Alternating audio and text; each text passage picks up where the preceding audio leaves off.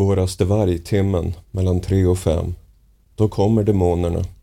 Grämelsen, ledan, rädslan, olusten, urskinnet. Det lönar sig inte att trycka ner dem, då blir de värre. När ögonen är trötta av läsning finns musiken. Jag blundar och lyssnar koncentrerat och ger demonerna fritt fram. Kom nu, jag känner er, jag vet hur ni fungerar. Håll på tills ni tröttnar, jag gör inte motstånd. Demonerna rasar allt värre. Efter en stund går botten ur och de blir löjliga. Då försvinner de och jag somnar någon timme.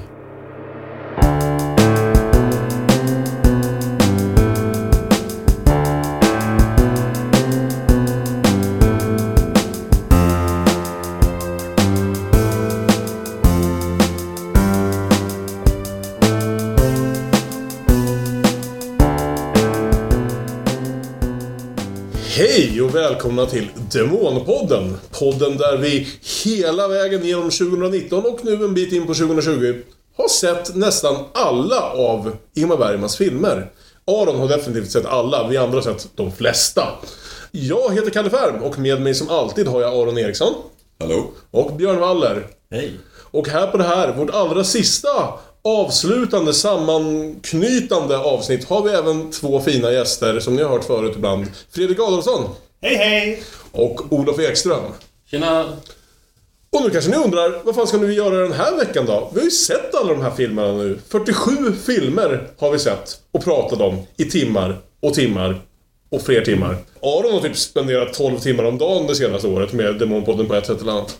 Men vi är ju här för att försöka knyta ihop den här säcken genom att skamlöst sno en annan jättebra filmpoddskoncept rakt av. Podden i fråga heter Screen Drafts och går i stort sett ut på att göra topplistor över olika sorters filmer i lite av ett tävlingsformat. Kortfattat fungerar det lite så här. Eh, istället för att sätta oss och bråka och sam försöka samsas om varenda plats på en 20 topplista, som är vad vi ska skapa. Eh, av de här 47 filmerna ska vi skapa en topp 20. Så kommer vi rotera runt bordet lite grann. Så att exempelvis, vi får se.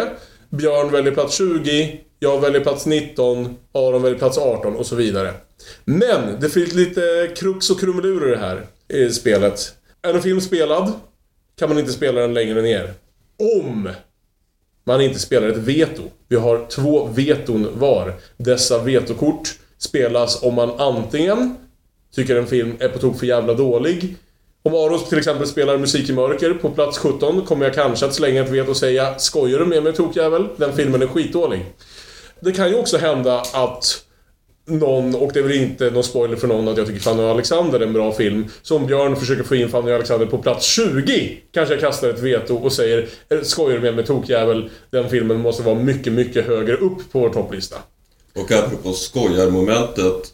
Om jag skulle säga musik i mörker skulle du kunna säga Nu försöker du bara dra ifrån mig ett veto. Ja. Du menar inte det här. Kan jag då försvara mitt val av musik i mörker så kommer Olof att leka domare och säga Jag tror på honom. Han är så här dum. Det är mycket möjligt att det kan hända. Precis. För Olof har då i princip rollen som Ian McShane i John Wick 2. Han, han, han är den objektive, fullständigt iskalle moderatorn som ska sköta om oss och se till att vi håller oss i skinnet. Så ungefär så här fungerar det. Vi sitter framför oss med 20 spelkort var, varpå vi har skrivit våra 20 inte rangordnat än ska vi säga favorit Ingmar Bergman-filmer av de här 47 som vi har pratat om under årets gång.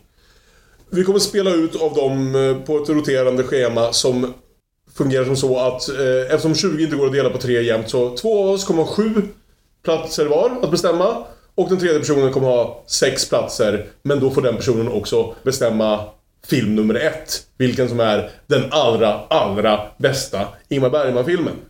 Lite varnande exempel dock från Screen Drafts är ju att det som ofta händer är att folk spenderar väldigt lång tid med att spela personliga favoriter som kanske ändå inte är odödliga klassiker utan bara filmer vi är ganska förtjusta i. Tills vi inser att det finns på tok för lite plats kvar för de absolut legendariska klassikerna i toppen. Så då sitter man där och har bara tre platser kvar för kanske sju jättebra filmer. Och det är liksom spelets spänning och natur. Det är då det blir panik. skräckexemplet jag brukar dra från Screendraft, och nu spoilar jag ifall någon vill lyssna på den, är att när de skulle lista de sju bästa John Carpenter-filmerna så antog personen som skulle välja plats nummer två att ingen är så dum att de inte väljer The Thing som nummer ett. Han spelade något annat på nummer två och visste inte att han satt och tävlade mot världens största Big Trouble in Little China-fan. Så det slutade med en topplista där Big Trouble in Little China officiellt är den bästa John Carpenter-filmen och The Thing är inte med. Vi kan landa i en liknande situation, men som sagt, det är liksom... That's not a bug, that's a feature. Det är det som är spänningen i det här spelet. Om det är lätt förvirrande så brukar Screendraft-killarna göra en bättre förklaring, en mer inövad förklaring av det här. Men ni ska ju veta att Olof är domaren.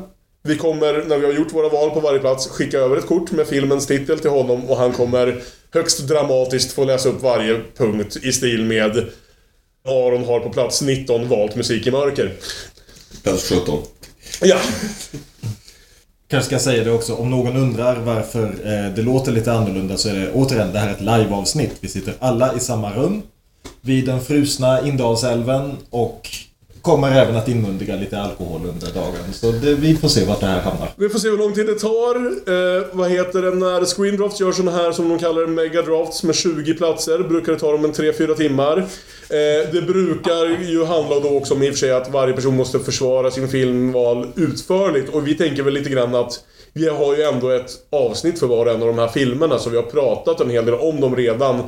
Så visst ska att man ska försvara varför jag vill spela den här filmen på den här platsen, men istället för att sen gå in på en lång diskussion om filmerna kan vi ju alltid säga gå tillbaka och lyssna på det avsnittet så får, hör ni mer om varför. Och det tror du att vi kommer att göra. Inte en jävla chans. Eh, vi fick faktiskt en liten hälsning från Screendrafts också ska vi säga. Vi snodde inte deras koncept rakt av och sprang iväg i mörkret. Utan jag skickade ett meddelande till dem. Meddelade dem om att vi tänkte göra det här. Och de skickade tillbaka That's very cool. We're honored that you would attempt our absurd game format for the culmination of your series. You'll have to let us know how it turns out. Best of luck. Det är från Clay O'Ryan som håller i Screendrafts. Det gjorde mig lite glad.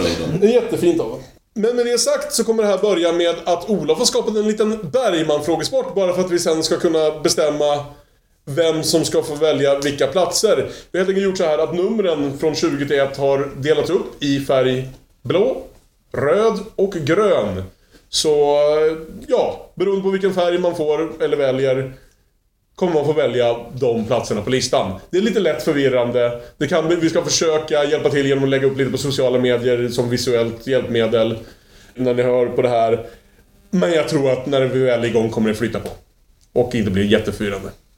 Jag har också ett Bergman-citat som jag eh, känner passar som ett motto för min inställning till det här. Jag pratade med Stig Björkman om ibland får man inte den skådespelare man vill ha. Och Stig Björkman försöker någonting att men en ny skådespelare kan ju vara en positiv överraskning. Ingmar förstår hur landet ligger. Nej, jag vill inte vara med om några överraskningar. Jag ger mig inte in i den här förbaskade balansgången för att bli överraskad. Nej, det är för jobbigt. Jag behöver verkligen få känna den där säkerheten och tilliten som kommer sig av att jag vet vad jag får. Så jag hoppas inte att... Jag är framförallt orolig för att Björn ska tro att det är någon slags rolig lek.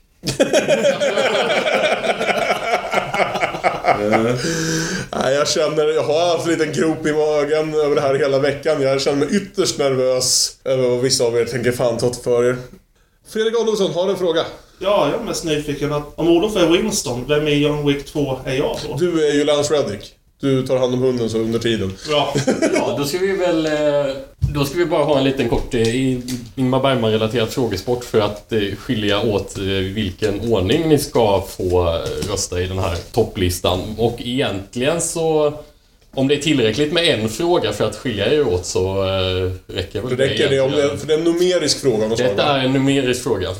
Jag tänkte som så här att vi skulle prata lite grann om Ingmar Bergmans dödsbo. Okej!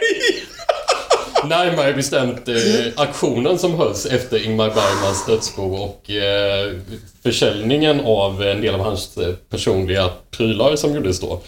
Bland annat en del prylar från filmer och lite olika filmpriser och sådär. Kan ju Och- nämnas att Olof är jurist i det civila. Och helt enkelt vad de eh, såldes för, de där prylarna. Och det jag tänkte faktiskt att se om ni vet vad det kan ha kostat är eh, schacksättet från det sjunde inseglet. Huh. Det var då eh, 31 stycken schackpjäser, den vita kungen saknas. Eh, eftersom den antagligen gick sönder under filminspelningen. Så det är den som kanske Max von Sydow välter. Ja, vad tror jag? En av dem. Och eh, så att det är 31 stycken eh, schackpjäser och ja, vad kan de ha gått för? Och, eh, saknas på brödet. och närmast vinner helt enkelt. Närmast vinner och näst närmast kommer tvåa, vilket också spelar roll i det här fallet. Det var en jättesvår fråga. Det var det verkligen. Okej, alla har skrivit något? Mm. Ja, då visar vi upp då. Och Björn, du har svarat? 536 000 svenska riksdaler. Jag har sagt 75 000 svenska riksdaler, så vi har i alla fall ett bra spann här känner jag. Yes. En miljon Jag gillar att du drog till det. Johan. Eh, De såldes faktiskt för en miljon. Men herregud! Och gud, jag är sist. Så att eh, Aron är närmast helt enkelt. Eh, Sedan Björn på andra plats sist, Kalle. Det här betyder ju alltså att Aron nu får välja vilka platser på den här 20 topplistan han vill ha. Som sagt, den som får välja plats 1 får också bara välja sex filmer till skillnad från sju filmer. Och när vi väl väljer så kommer jag räkna upp exakt vilka platser varje person får. Men Aron, vill du ha den, de gröna numren, de röda numren eller de blå numren? Jag tar grön. Aron har valt de gröna numren, vilket betyder att han kommer få välja film nummer ett, den allra bästa Ingmar Bergman-filmen. Men Aron kommer alltså få välja film nummer 18, 14, 12, 7, 4 och 1. Så då... Musik i mörker för Ja, Aron har ju nu chans att välja Musik i mörker som sin, den allra bästa filmen. Det är helt sant. Björn, mellan blå och röd. Vad känner du? Har du några för, föredrar du någonting?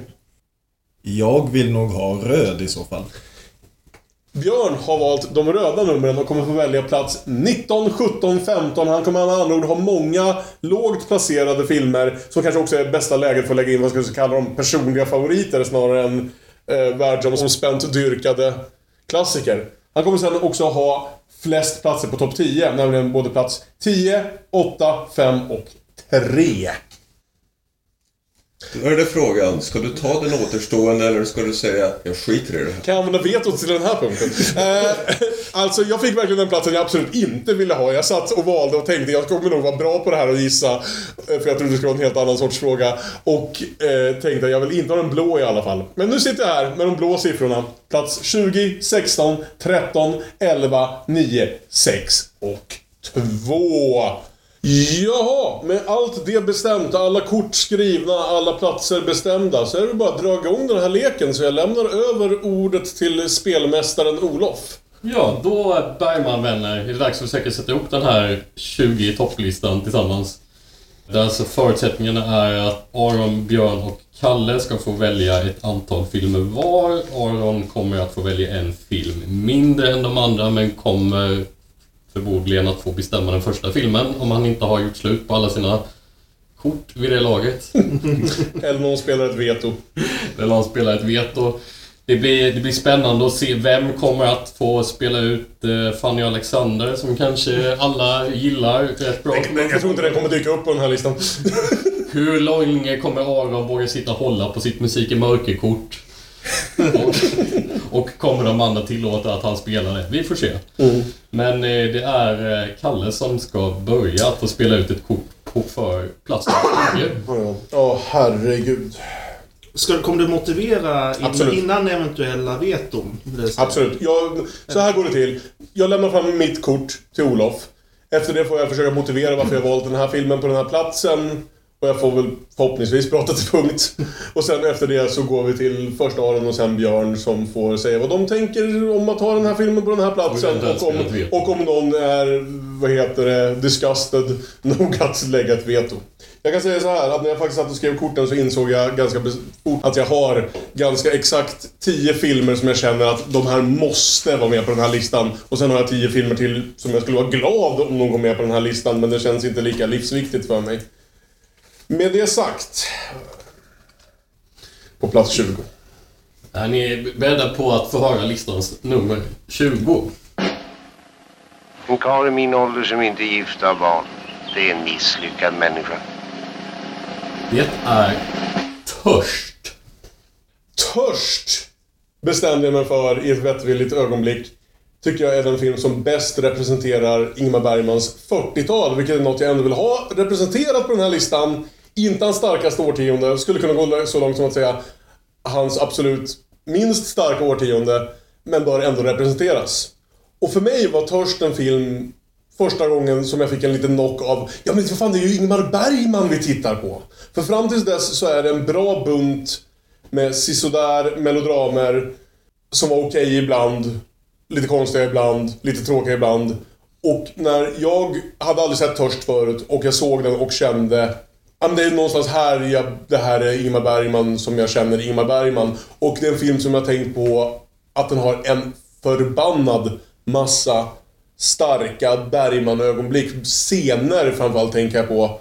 Som någonstans jag bär med mig. Med det sagt så slutar filmen, och det kommenterar vi i avsnittet som vi kan lyssna på. Filmen vet inte hur den ska sluta, så den slutar på en Deus Ex Machina som inte funkar. Den är sisådär på att korsklippa sina historier. Men den har ett antal ögonblick som jag eh, verkligen älskar. Inte minst den här Bergmans första zombiescen när tåget far genom Tyskland. Och även det här långa, nästan tror jag oavbrutna bråket mellan Birger och, nu tappar jag huvudskådespelerskans namn. Och Eva Henning, precis. I, I den här hotellrummet i Basel när hon tar världens kortaste dusch. Och jag tycker bara att det är någonstans här Bergman blir Bergman för mig. Fram till den här punkten hade han kunnat vara en annan helt okej regissör av melodramer. Så därför tycker jag att om vi ska ha en representant för 40-talet på den här listan, tycker jag att det ska vara Törst. Och den ska inte vara mycket högre än så här. Vad säger Aron om det här då? Ett mycket överraskande val. Det är inte ens i närheten av min lista. Men eh, det är ju inte någon av hans bästa där på 40-talet egentligen heller. Det är ett lite besynnerligt val. Hur, hur, hur illa tycker du om att uh, Törst är på plats 20? då? Det är inte tillräckligt att lägga veto. Men en väldigt intressant start på leken när man eh, förstår att, att de andra kan ha helt fel. Some of us came to play. Ja, Björn. Eh, Jag vill ju invända point of order att fängelse kom ju ett halvår före Törst. Ja. Och där vill jag mena att det är första gången som man får en idé. Där, där är liksom manusförfattaren Bergman som för första gången får toka loss ordentligt. Medan Törst är väl första gången regissören Bergman får göra det möjligen. Det... Det, det, det är ett argument.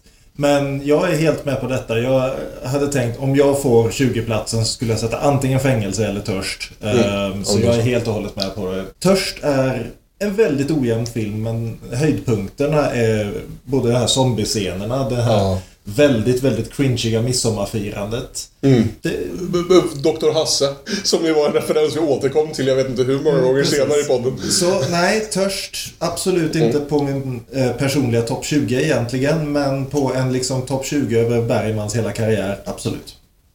Jag tänkte också ha fängelse på 20 plats. Sen kom jag på att det fanns 25 bättre filmer så den fick inget kort till slut. Men den var Nej, väldigt nu är det helt enkelt bestämt att, att nummer 20 är Törst och Ja. vi går vidare till eh, nummer 19, tänker jag. Och om det inte märks så tycker jag också att det är viktigt att den här listan på något sätt representerar Bergmans olika, vad ska man säga, facets. Alltså hans olika perioder, hans olika toner och stilar. Det är inte bara en kvalitetsbedömning någonstans, känner jag. Så vi behövde ha en 40-talsfilm och skulle vi ha en 40-talsfilm så tyckte jag att det ska vara den. Yes. Men då som sagt går vi vidare till nummer 19 som eh, Björn ska få lämna ett förslag på. Och plats nummer 19 är... Reagerade utav bara helvete. Larmar och gör sig till. Oj, oj, oj! Åtminstone... Ja, vi får se. Vi hör motiveringen. Ja, här mot slutet så har vi ju suttit eh, och tittat på alla de här det som är kallat extravarvet eller extranumren som Bergman gjorde efter Fanny och Alexander. Och jag tycker det har varit väldigt mycket upp och ner där. Eh, dels är det mycket som Bergman inte har regisserat själv utan bara skrivit manus till. Eh, dels är det mycket som han har gjort för TV. Och det har väl varit, eh, ja, men det har, jag tycker det har varit fascinerande också den här, det här sättet han har grävt ner sig i sin egen förhistoria. Med sina föräldrar, sin släkt och så vidare. Benat ut alltihopa det här han gjorde till en perfekt fiktion i Fanny och Alexander. Och nu liksom har gått tillbaka och av någon anledning fått för sig att han ska berätta sanningen om. Och genom eh, Den goda viljan och Söndagsbarn och eh, Trolösa och allt det här så har det ju varit ibland väldigt bra men också ibland väldigt mycket, vad ska man säga, alldeles för sanningsbaserat. Det har varit alldeles för lite fantasi i det. Och så kommer då alldeles mot slutet så kommer då Larmar och gör sig till som jag hade tänkt mig som en ren te- filmad tv-pjäs. Och istället visar sig vara en hel liten långfilm med en del tekniska problem men återigen att han går förbi allt det här sanningsberättandet och tar upp en av karaktärerna från den sanna historien och stoppar in honom i en, om inte fantasyberättelse så i alla fall en fantasiberättelse. Och både liksom breder ut det där igen och gör det snyggt och gör det till en film som jag vill se om. Istället för att bara konstatera att ja, det här trodde Bergman att hans far tyckte 1928. Och därför vill jag ha med Larma och gör sig till. Dels som en representant för den sena Bergman. Eh, men dels därför att jag tycker helt enkelt att det är en väldigt rolig och väldigt fin film. Om än inte riktigt topp Bergman, men den behöver vara med här. Vad, vad, vad säger Kalle? Jag känner att vi behöver en, eh, likväl som vi behöver en representant för 40-talet måste vi ha en representant för extranumren och det kan lika gärna vara Larmar och gör sig till som någon av de andra nästan, förutom ett par som jag tycker är sämre. För jag känner någonstans att det är en jämn nivå ändå som filmerna i extranumren höll sig på. Som inte är lika hög som exempelvis hans sena 50 eller tidiga 60-tal. Men, men likväl är liksom en bra nivå.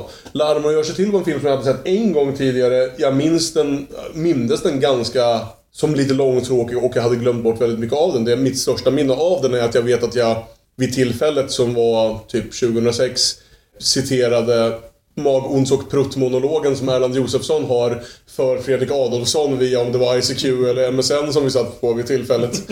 eh, och det var mitt största minne av hela den filmen.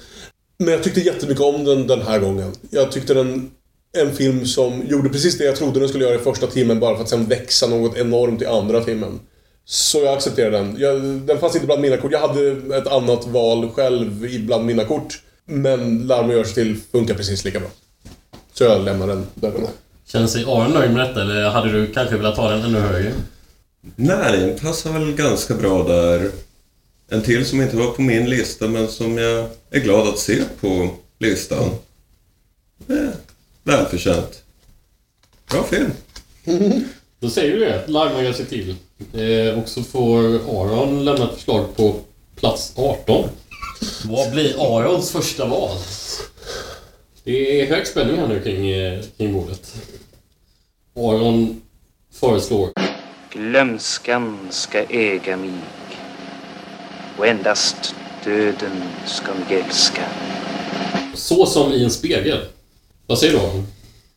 Ja, jag hade några andra som jag tänkte spela lågt men som lite går in i det här 40-talen eller extranumren. Så varför inte gå rätt in i smeten? En av de stora filmerna men en av eh, de sämre stora filmerna.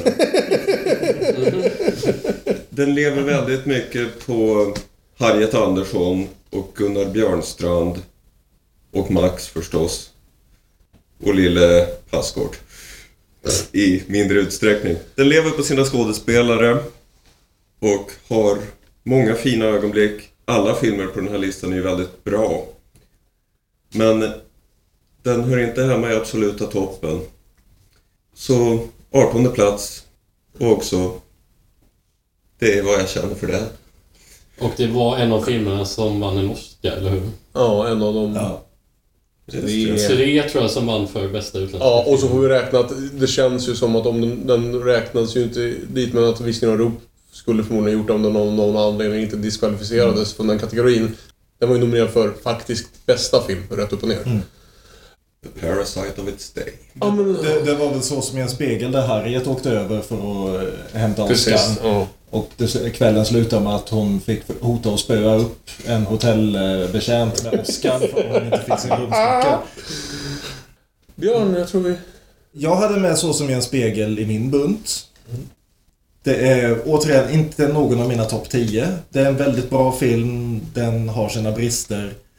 Eh, Det är en av Patti Smiths favoritfilmer, vilket räknas i pluskolumnen. Ja, som sagt, Harriet och Gunnar är fantastiska i den. Men jag har lite svårt för just det här sitta runt och prata om livet och döden attityden den har till en del saker. Det är för Så- mycket vardag för mig. Ja, så 18 plats, det kan jag leva med. Jag tycker också det är typ helt rätt. Jag vill absolut ha den på den här listan. Alltså, jag hade inte krång- börjat krångla om den kom 15 eller 14 heller, men den är inte en topp 10-film, men mellan 10 och 20, absolut. En av filmerna som är kanske den... Förmodligen för att jag var så bekant med filmerna fram till den här punkten. Eller rättare sagt så här. 40-talsfilmerna var inte så jävla bra och 50-talsfilmerna var jag väldigt bekant med. Så, så som i spegel var nog förmodligen första gången som jag började gråta med när jag tittade på en av demonfilmerna under året. Vilket år? 1961. Det är som det så ofta är i Bergman, topparna är så jävla höga i den här filmen men det finns lite för lite struktur, lite för lite annat. Så det, plats 18 är rätt. Jag undrar dock, vill Olofs typ vålds slänga in ett veto från någon som inte spelar? För vi vet hur mycket du älskar den här filmen. Eh, jag tycker eh, väldigt mycket om den här filmen. Eh, det är sant. Men, men eh, jag kan ju... För att jag blir väldigt berörd av den. Men jag kan ju också förstå lite det där med att... Eh, det där du säger om höga toppar och lite lös struktur. Det, det, kan- det kan jag... Har jag kanske svårt att säga emot. Att den, den går bort sig lite grann ibland. I, i hur den hänger ihop. Men det var ett bra avsnitt vi gjorde om den också. Kanske ett av våra bästa avsnitt, ärligt talat. Ibland så... Jag tänker på vissa avsnitt som de där vi verkligen... Risken med att göra sådana här poddar är ju att man fastnar i att bara beskriva vad som händer, vilket är ungefär som händer i de tråkigaste kommentarspåren på filmer och sånt där. Och när vi har varit som sämst så har vi ibland i en stund landat i att bara berätta vad som händer på, på bilden. När vi har varit som bäst har vi verkligen dykt in i temana och ämnena som de här filmerna tar upp och jag känner att Så som i en spegel var ett av våra starkaste ögonblick, måste jag faktiskt säga. Ja, så det är möjligt att jag personligen hade rankat den lite högre än 18. Men eh, det är kanske ändå inte min eh, liksom, sådär absoluta favoriterna riktigt ändå. Japp. Och då har vi ju kommit till eh, plats 17 och det är Björns tur att välja igen. Du vågar inte sminka av dig. Du vågar inte vara sminkad. Du vågar inte gå härifrån och du vågar inte vara kvar. Sommarlek. Hur vill du motivera detta Björn? Det vill jag motivera med det. Om, om vi snackar liksom... Eh, vi sa att Törst var den där man första gången märkte av att det är Ingmar Bergman som regisserar. Sommarlek skulle jag säga, som väl är... Vad är det? 51 va? Ja, jag tror det. Mm. Det är första gången man märker varför vi bryr oss att det är Ingmar Bergman som regisserar. Det är här han går från att liksom vara igenkännlig till att vara riktigt, riktigt bra. Sommarlek har väl inte den allra bästa handlingen i någon Bergman-film. Den har en del saker som är ganska mysko. Till exempel Birger som spelar 18-årig student. Och faktiskt gör det bra. Vilket är ännu mer mysko egentligen. För det borde han inte kunna göra, men han gör det faktiskt. Hur gammal var han då? Så det... Jätt. Någon, ja, någonstans mellan 30 Så det är lite, lite Beverly Hills-princip. Ja. Ja, väldigt mycket. Väldigt mycket Dawson's Creek över det. Men jag tycker också väldigt mycket om den därför att det finns i Sommarlek både en melankoli som har saknats i de tidigare. Eh, Det finns liksom en känsla av att tiden passerar, att vi blir, det händer något med oss över tiden. Att de sår hon har fått i sin ungdom har inte försvunnit, de har ärrats över och blivit något annat. Vi har den här fantastiska scenen på slutet i logen där. Vi har alla de här scenerna satta till Svansjön som kanske inte riktigt är liksom vad man tänker sig att till exempel Black Swan eller någon film idag skulle göra med det men som ändå känns väldigt upplivande för 1951. Och för Sverige inte minst. Så jag vill ha sommarlek där därför att det är liksom ingången på Bergmans fantastiska 50-tal och det kommer att bli bättre men det är hans första Om inte mästerverk så storverk i alla fall. Ja, Svara. Kalle detta. Ja, nej, jag, jag håller med väldigt mycket. Eh, Jag märker att en sak som jag faktiskt inte tänkt på, med, på under tiden, men som uppenbarligen är en grej med mig med de här filmerna, är att de tar en stund för dem att fånga mig, men sen får de typ en andra halva eller ett slut eller någonting som knyter ihop säcken för mig och gör att jag liksom uppskattar helheten mer. Inte Törst då, som snarare blev sämre av sitt slut, men Sommarlek för mig hänger någonstans på den här fantastiska avslutande monologen av Stig Olin. Som gör filmen för mig. För fram tills dess så var det en film som jag tyckte var ganska trevlig, såg lite poängen med och sådär. Men som inte riktigt klickade för mig. Men, men den slutar så starkt att det får allt som har hänt tidigare att, att alltså ger det bara en poäng. Dessutom är det ju en av de sista filmerna där han känns mer lekfull än alltså, otroligt, så otroligt allvarlig som han kunde bli sen. Jag tänker på den här jävla animerade sekvensen. Oh, ja. Jag tänker på det här faktum att, visst det är inte i filmen, men att han i manuset gav hunden en replik. Så vid ett tillfälle skulle hunden bara öppna munnen och säga en enda sak. Som inte var Chaos Reigns, Lars von Trier. Men eh, ändå. ehm, så nej, helt, helt rätt placering. Jag hade den faktiskt bland mina kort. Satt och bläddrade lite mellan den och Törst på 20 plats. Så jag är glad att den är här. Utan att jag behöver spela den. Aron. Ja, jag hade inte den i min lek, men glad att den är med. Och utöver Stig Olins monolog på slutet så Maj-Britt Nilsson är ju också lysande. Absolut. Och just den här skillnaden mellan ungdomen och tidig medelålder. Och den här ön som hon åker ut till, det som var så glatt och oskuldsfullt när hon kommer dit i 30-årsåldern och ja, det är väl höst och det är en spökö. Just när hon går i land där, det är väldigt fina scener. Och så går den där kvinnan runt där och är döden. Ja, det är väldigt bra. Väldigt bra. Skulle ni säga att man kommer ihåg vad Sommarlek handlar om? Går det att beskriva? Ja. Ja, Ja, ja. Det, det, det är ju liksom... eh, Det som, det, som, det som gör den lite knepig är ju det här liksom att Bergman också här börjar leka med tidslinjer. det är första gången vi har dubbla tidslinjer. va? Det händer ju ett Så du antal har, gånger. du har ju dels den här liksom ungdomsförälskelsen mellan Nilsson och eh, Birger. Birger. Jag försökte komma på vad han heter i efternamn. Men Ja, han har ingen Malmsten. mellan Nilsson och Malmsten. Det är som Prince. Ja, han, han, han avskaffade sitt efternamn sen. Som är, som är så hoppfull. Om en, en inte att den inte bränner lika hårt som Sommaren med Monica skulle göra något år senare. Men att den ändå är liksom... Det finns en sensualitet och en glädje i den. Och att han då hela tiden klipper detta mot henne 15 år senare när hon är bitter och börjar bli för gammal för det yrke hon har valt. Och återvänder till den här ön och försöker återuppleva de här minnena. Och det, som då landar i den här fantastiska slutmonologen. Och eh, ja, det, det är ganska enkel handling men hur Bergman med både kamera och repliker gör det här är så väldigt snyggt.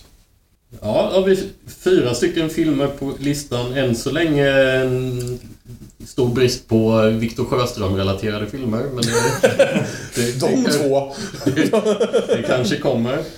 Eh, det är Kalles tur att eh, välja en film.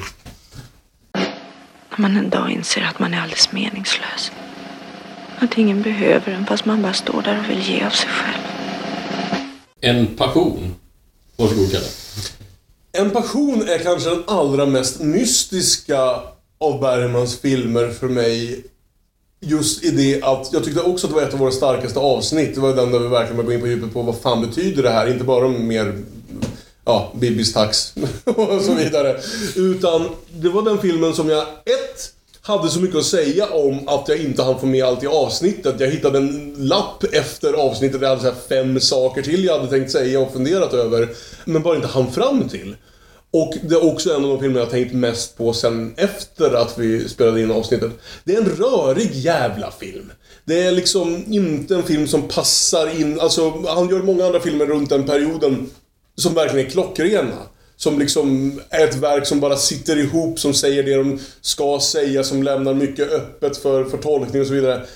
En passion är en jävla röra, men den bästa sortens röra. Bättre än vad fängelse exempelvis var. Där, där det inte är att jag bara tänker äh, det där är bara trams och mummel. Utan jag funderar, fortsätter fundera på vad är det han vill ha sagt? Vad är det han vill säga med det här? Varför händer det här här? Och eh, jag vill fortsätta diskutera det snarare än lägga det bakom mig. Och eh, jag tänker att en film som liksom lämnar så mycket öppet, som har så mycket som den vill få fram och som fortsätter hålla mig intresserad. Jag vill ha den på listan trots att det är... Det är en rörig jävla film. Ja. Vad tycker du om det, Örjan? Väldigt glad att den är med. Den finns på min lista. Mm. Den har haft någon placering högre om jag fått bestämma helt själv, men... Men inte mycket. Gillar den. Många bra scener. Fortfarande inte varit några... eh, Någon som har känt sig manad att spela något veto direkt. Vad, vad säger Björn? Björn sitter och stirrar lite misstänksamt På sina vetokort. På sina vetokort. så. Björn var ju den som var mest skeptisk. Absolut. Ja, jag, jag är frestad att lägga ett veto här. Eh, Jag tror att jag kan komma att behöva dem högre upp, men jag är frestad. Jag tycker inte en person är en bra film. Det är en, det är en jävla röra. Kalle har rätt där. Eh, Jävligt Och jag- rörande, och precis. jag, jag vill faktiskt se om den för att försöka reda ut den. Ja. Problemet är att, tycker jag, att den... Det finns filmer som är en jävla röra men ändå har någonting som verkligen drar in en i, i berättelsen eller i estetiken. En person för mig, det intressanta i den ligger nästan i metafysiken. Liksom i vad den säger att den handlar om. Om, om vi tar en sån, för att ta andra en jävla röra-film, så Mulholland Drive, uppenbara jämförelsen. Mulholland Drive, första gången man ser den, man fattar inte ett piss av vad som händer. Men det finns en nominell handling och det finns en estetik i den som eh, gör att man vill se den igen för att bjudas tillbaka in i den världen. En person är så jävla motvalls. Både, både liksom bildmässigt och handlingsmässigt. Att, ja, jag vet inte riktigt. Det gör ont att dyka ner i den igen. Inte, inte nödvändigtvis för att det gör ont i själen eller någonting sånt utan att det finns så jävla många törnen man kommer att riva sig på och reta sig på. Men... Eh, plats 16 kan jag köpa den. Det finns s- bra saker i den, absolut. Ehm, och det är en väldigt intressant film så jag tänker inte vetoa den men det är nära. Spännande och detta är nog en av film- Bergman-filmerna som jag själv inte har hunnit se. Nej, okej. Det är ju lite extra intressant att höra vad ni säger om den. Vad säger Fredrik? Är det dags för en liten sammanfattning? Hur hur långt vi har kommit? Eh, listan så här långt. Så, på plats 20, Töst. På plats 19, Larmar och gör sig till. På plats 18, Så som i en spegel. På plats 17, Sommarlek. Och på plats nummer 16, En passion. Man börjar direkt, jag tycker det är en bra lista över bra filmer, men man börjar direkt se liksom så här lite individuella... Att det måste, det blir ju lite av en röra. Jag tycker nog, trots att den är precis mitt här, att förmodligen Så som en spegel faktiskt är den bästa av de här filmerna ändå. Men, men, så kan det gå. Ja. Men eh, då går vi vidare till eh, nummer 15 som faktiskt är Björns tur igen. Han har många filmer tätt in på här. Men eh, efter den här så kommer det dröja ett tag innan Björn får välja igen. Så får Och sen ser vi Björn först på plats tänka 10. efter noga här nu. Vi får lägga in lite pausmusik här.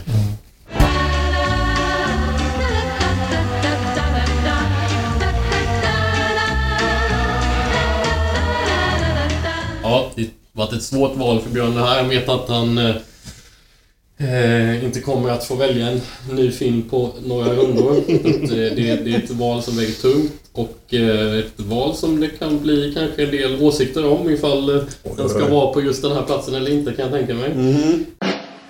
Några minuter får jag uppleva fullständighet. Och jag känner en stor tacksamhet mot mitt liv. Det är viskningar och rop. Vad säger Björn om detta? Ja. Till att börja med, allting en person försöker göra eh, gör viskningar och rop så jävla enkelt. Everything you can do, I can do better. Precis. Det är... Viskningar och rop är... Det är första gången Bergman gör en riktigt snygg färgfilm. Hans tidigare försök har varit ibland bra, ibland mindre bra. Jag menar rent filmmässigt. Viskningar och rop är en så jävla triumf för Sven Nykvist och Ingmar Bergman. Det är en av de vackraste filmer jag vet. Den har fantastiska förhållanden mellan sina karaktärer. De här tre systrarna och eh, de två andra personerna som dyker upp. Läkaren och eh, pigan.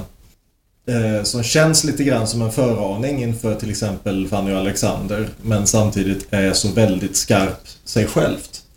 Den har ett av de finaste sluten i en Bergman-film. Efter att liksom i två timmar så har de här människorna gått lös på varandra och vi är övertygade om att alla hatar varandra. Och så slutar den i något så vackert. Och så förlåtande. Eh, så då är frågan varför hela vägen nere på plats 15? Ja, det är den uppenbara. Ja, för jag är lite nyfiken sen på om, om Kalle och Aron kommer protestera mot att... Eh, om någon av dem kommer protestera mot att den inte är högre. Men vi får väl se om lite de, på om vad Björn kommer med. Ja. här. Ja, och det är ju dels naturligtvis att jag kommer inte få välja några filmer förrän vi är inne på topp 10 nu. Nej. Nej, Eh, jag, jag vill vara säker på att den här kommer med, vilket jag antar att den hade gjort ändå. Men hur vackra de här förhållandena sinsemellan är så tycker jag lite grann att strukturen i filmen är lite knakig. De här presenterade flashbacksen att nu går vi sex månader tillbaka i tiden där Liv Ullman har ett gräl med Erland Josefsson. Och, och det är det är en klumpighet i det. Replikmässigt är manuset fantastiskt. Fotografiet är fantastiskt. Men strukturen på hela manuset är så att det faktiskt blir... Det gör det svårare att sätta sig in i karaktärerna än det borde vara. Och det gör att hela den här konflikten då mellan Liv Ullman och eh, hennes Jaha, Ingrid Thulin. ja, mellan Liv Ullman och Ingrid Thulin blir... Man förstår att de har en massa konflikter sinsemellan men han hade så mycket enklare kunnat gå in i liksom att förklara varför de beter sig som de gör mot varandra. Det är liksom det är en triangel där ett av tre ben är lite knakigt och lite suddigt ritat. Så jag tycker det är, en, det är en fantastisk film på många sätt men det är en fantastisk film med ett par ganska tydliga fel. Brister kanske man ska säga. Som gör att jag tycker inte jag kan sätta den bland de absoluta toppfilmerna. Nej, jag tycker det här är ganska perfekt faktiskt, för jag har ganska många liknande tankar. För mig tar det nästan en halvtimme när Viskningar och rop börjar sjunga. Och sen så tycker jag den är otroligt stark. Eh, den Dess andra halva är otroligt stark, men det är också en film där jag ibland undrar... Bara ställer frågan varför valde man att vi skulle se just de här scenerna? Det finns scener som jag undrar varför de ens är i filmen, till skillnad från man skulle kunna tänka sig andra scener ur den här historien som hade känts viktigare.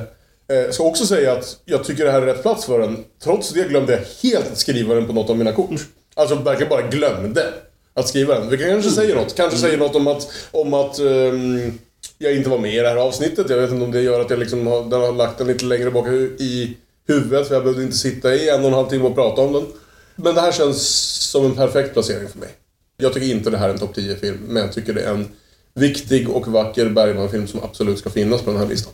Och vi ska ju säga det också att när vi väl kommer in, jag tror de flesta av oss här tycker att när vi väl kommer in på topp 10 då är det liksom femstjärniga filmer rakt igenom. Ja. Och det blir liksom... Då måste de fyra och en halvstjärniga filmerna kom, äh, hinna in innan dess också. Lite så ja. Ja, håller du med? Jag På tycker att Viskningar och rop är en femstjärnig film som borde vara på topp 10. Men kommer jag att behöva mina veton? Det är också någonting väldigt lämpligt som ni poddlyssnare missar. Att den är skriven i röd penna. Ja, just det. Det får Ja. man inte underskatta, det visuella. För visst är väl kanske Viskningar, Viskningar och rop, är det den eh, bästa röda filmen som har gjorts, skulle ni säga? Vi diskuterade ju det i den, avsnittet. den röda Det filmen är en ganska bra röd film tycker jag. Ja, eh, ja, Ingmar Bergman har ju sin, kanske sin egen färgtrilogi då, precis som Kieslowski. Att om Viskningar och rop är den röda filmen. En passion är den orangea filmen. Eh, sönd, Söndagsbarn är kanske den vita filmen. Scener ur ett äktenskap. Är den bruna filmen. Fyra nyanser av brunt. Eh, Skepp till Indialand är den blå filmen. Nattvardsgästerna är tämligen vita också. Ja, okej. Men det går att färgsätta Ingmar Bergman-filmer. Ja. Absolut. Viskningar och rop är en bättre röd film än till exempel eh, eh, Red, Bruce Willis.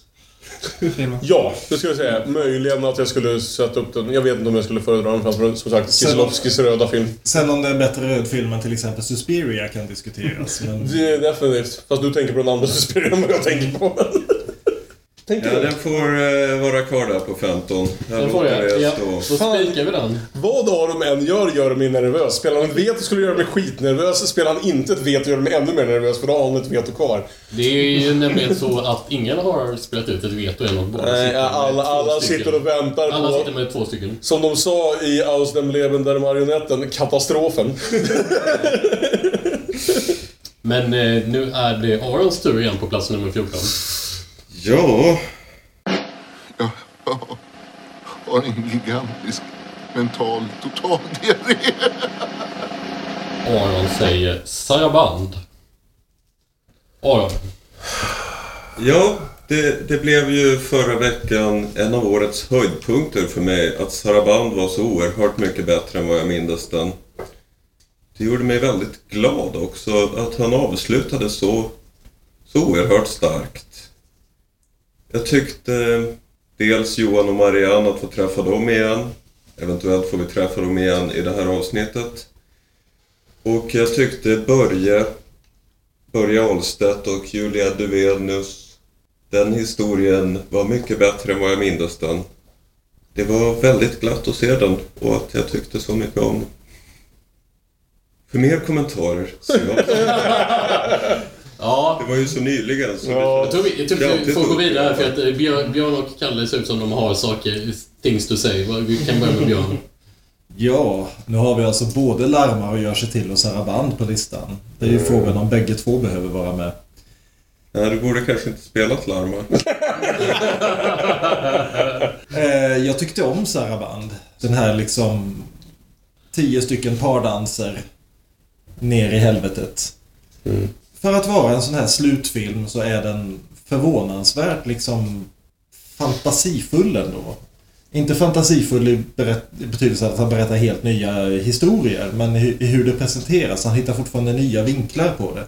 Det känns inte som att han springer avstannande in i mål, så att säga. Det finns, kan vi säga, en person. Ja, precis. Så jag skulle inte haft med den på min lista, tror jag. Fast jag skrev faktiskt upp den här, men då tänkte jag snarare runt 20 någonting. Men... eh, ja, nej men jag har ju skrivit upp den och den är inte jättehögt upp, så ja. Inga klagomål. Rent personligen skulle jag nästan sätta den ännu bättre. Men jag kände att det kommer jag inte att få igenom. Vad säger Kalle om Saraband på plats nummer 14? Saraband är å ena sidan en jättefin avslutning och återkomst för Liv och Erland Josefsson. Som gör fina insatser med flera väldigt starka stunder och visst, på det stora hela så tycker jag om den här filmen. Å andra sidan är det en skitful film som innehåller den sämsta skådespelarprestationen i en Bergman-film i Julia Duvenius som tyvärr har gett ut. Så nej, runt 20 hade varit okej. Jag har lagt ett veto. Ett vet, var hon så dålig i den här Julia Duvenius? Jag minns fa- faktiskt inte riktigt så jag frågar. Men... Det eh, visade sig att hon inte var det på någonting. Sä- Sämsta i en Bergman-film tycker jag verkligen är att... Du, du, du räknar alltså henne under Elliot Gould.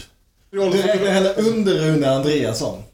Rune Andreasson tänker jag på och ler och mitt hjärta sprudlar. Problemet är ju att eh, Julia Duvenius har ju fått ett material som en bra skådespelare skulle kunna jobba med och göra till någonting väldigt starkt. Den, den möjligheten här fick aldrig Elliot Gould. För han fick det sämsta manuset som Bergman förmodligen någonsin har skrivit. Rune Andreasson va? Rune Andreasson är fantastisk, jag förstår inte vad du pratar om. Men eh, ja, Julia Duvenius kan ju vara bra i en del grejer tycker jag, men hon kan ju vara lite stolpig och det är kanske det hon är i Saraband då. I den där kladdet eller vad det heter. I glappet så spelar hon ju väldigt...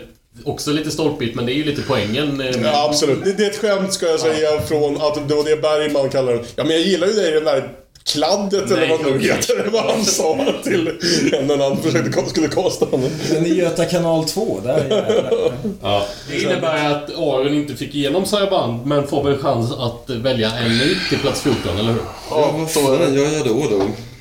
Och ska vi säga, Aron tar tillbaka Saraband in i sin lek. Han ska få tillbaka sitt kort ifall han Han känner har för att möjlighet att försöka spela... försöka spela den ännu högre. Kanske den hamnar där den borde vara. Arons nya val till plats nummer 14 är Alltihop är bara till för din märkvärdighet. Tystnaden. Ja, min nya hobby är tydligen att spela ut eh, Guds tystnad-trilogin eftersom det är allt jag får igenom. Tystnaden från 63. En tyst film med Birger. Ja, det är ju en väldigt lyckad eh, miljöskildring. Kanske framför allt den här staden Timoka som är någon slags ihopdrömd ungdomssyn av Berlin, tänker man väl att det var kanske för Ingmar. Där allting var lite förtrollat, men samtidigt väldigt skrämmande.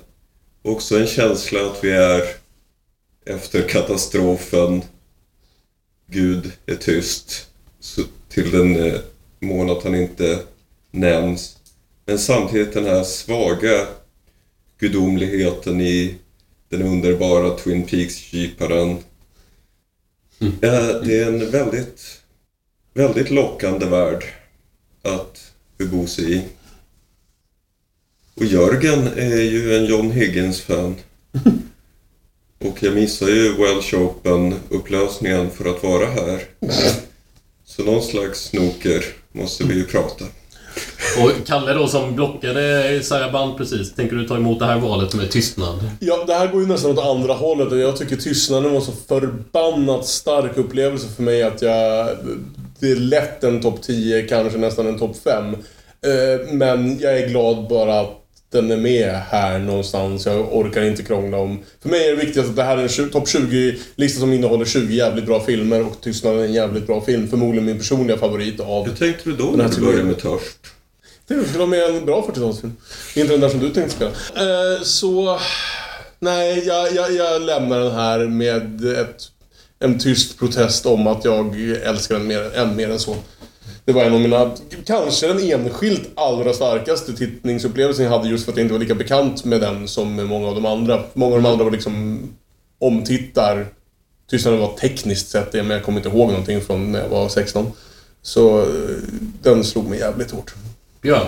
Jag kom ju på eh, ett tag efter att vi hade gjort det här avsnittet vad som hade varit den perfekta dubbelbullen till tystnaden. Och det är ju tv-filmen av Stephen Kings Langoliärerna. Eh, för jag hade.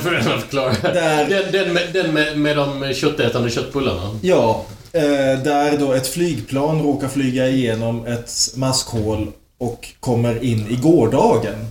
Och landar i en, en värld där tiden har gått vidare. För det visar sig att eh, det här rumtidväven är skitsnack och det är bara tiden som rör sig genom olika världar. Så de landar i gårdagen som inte längre är bebodd. Utan är helt ensamma i den. Och lite grann känns, så känns tystnaden. Just det här att vi har trätt in i en värld som har stannat.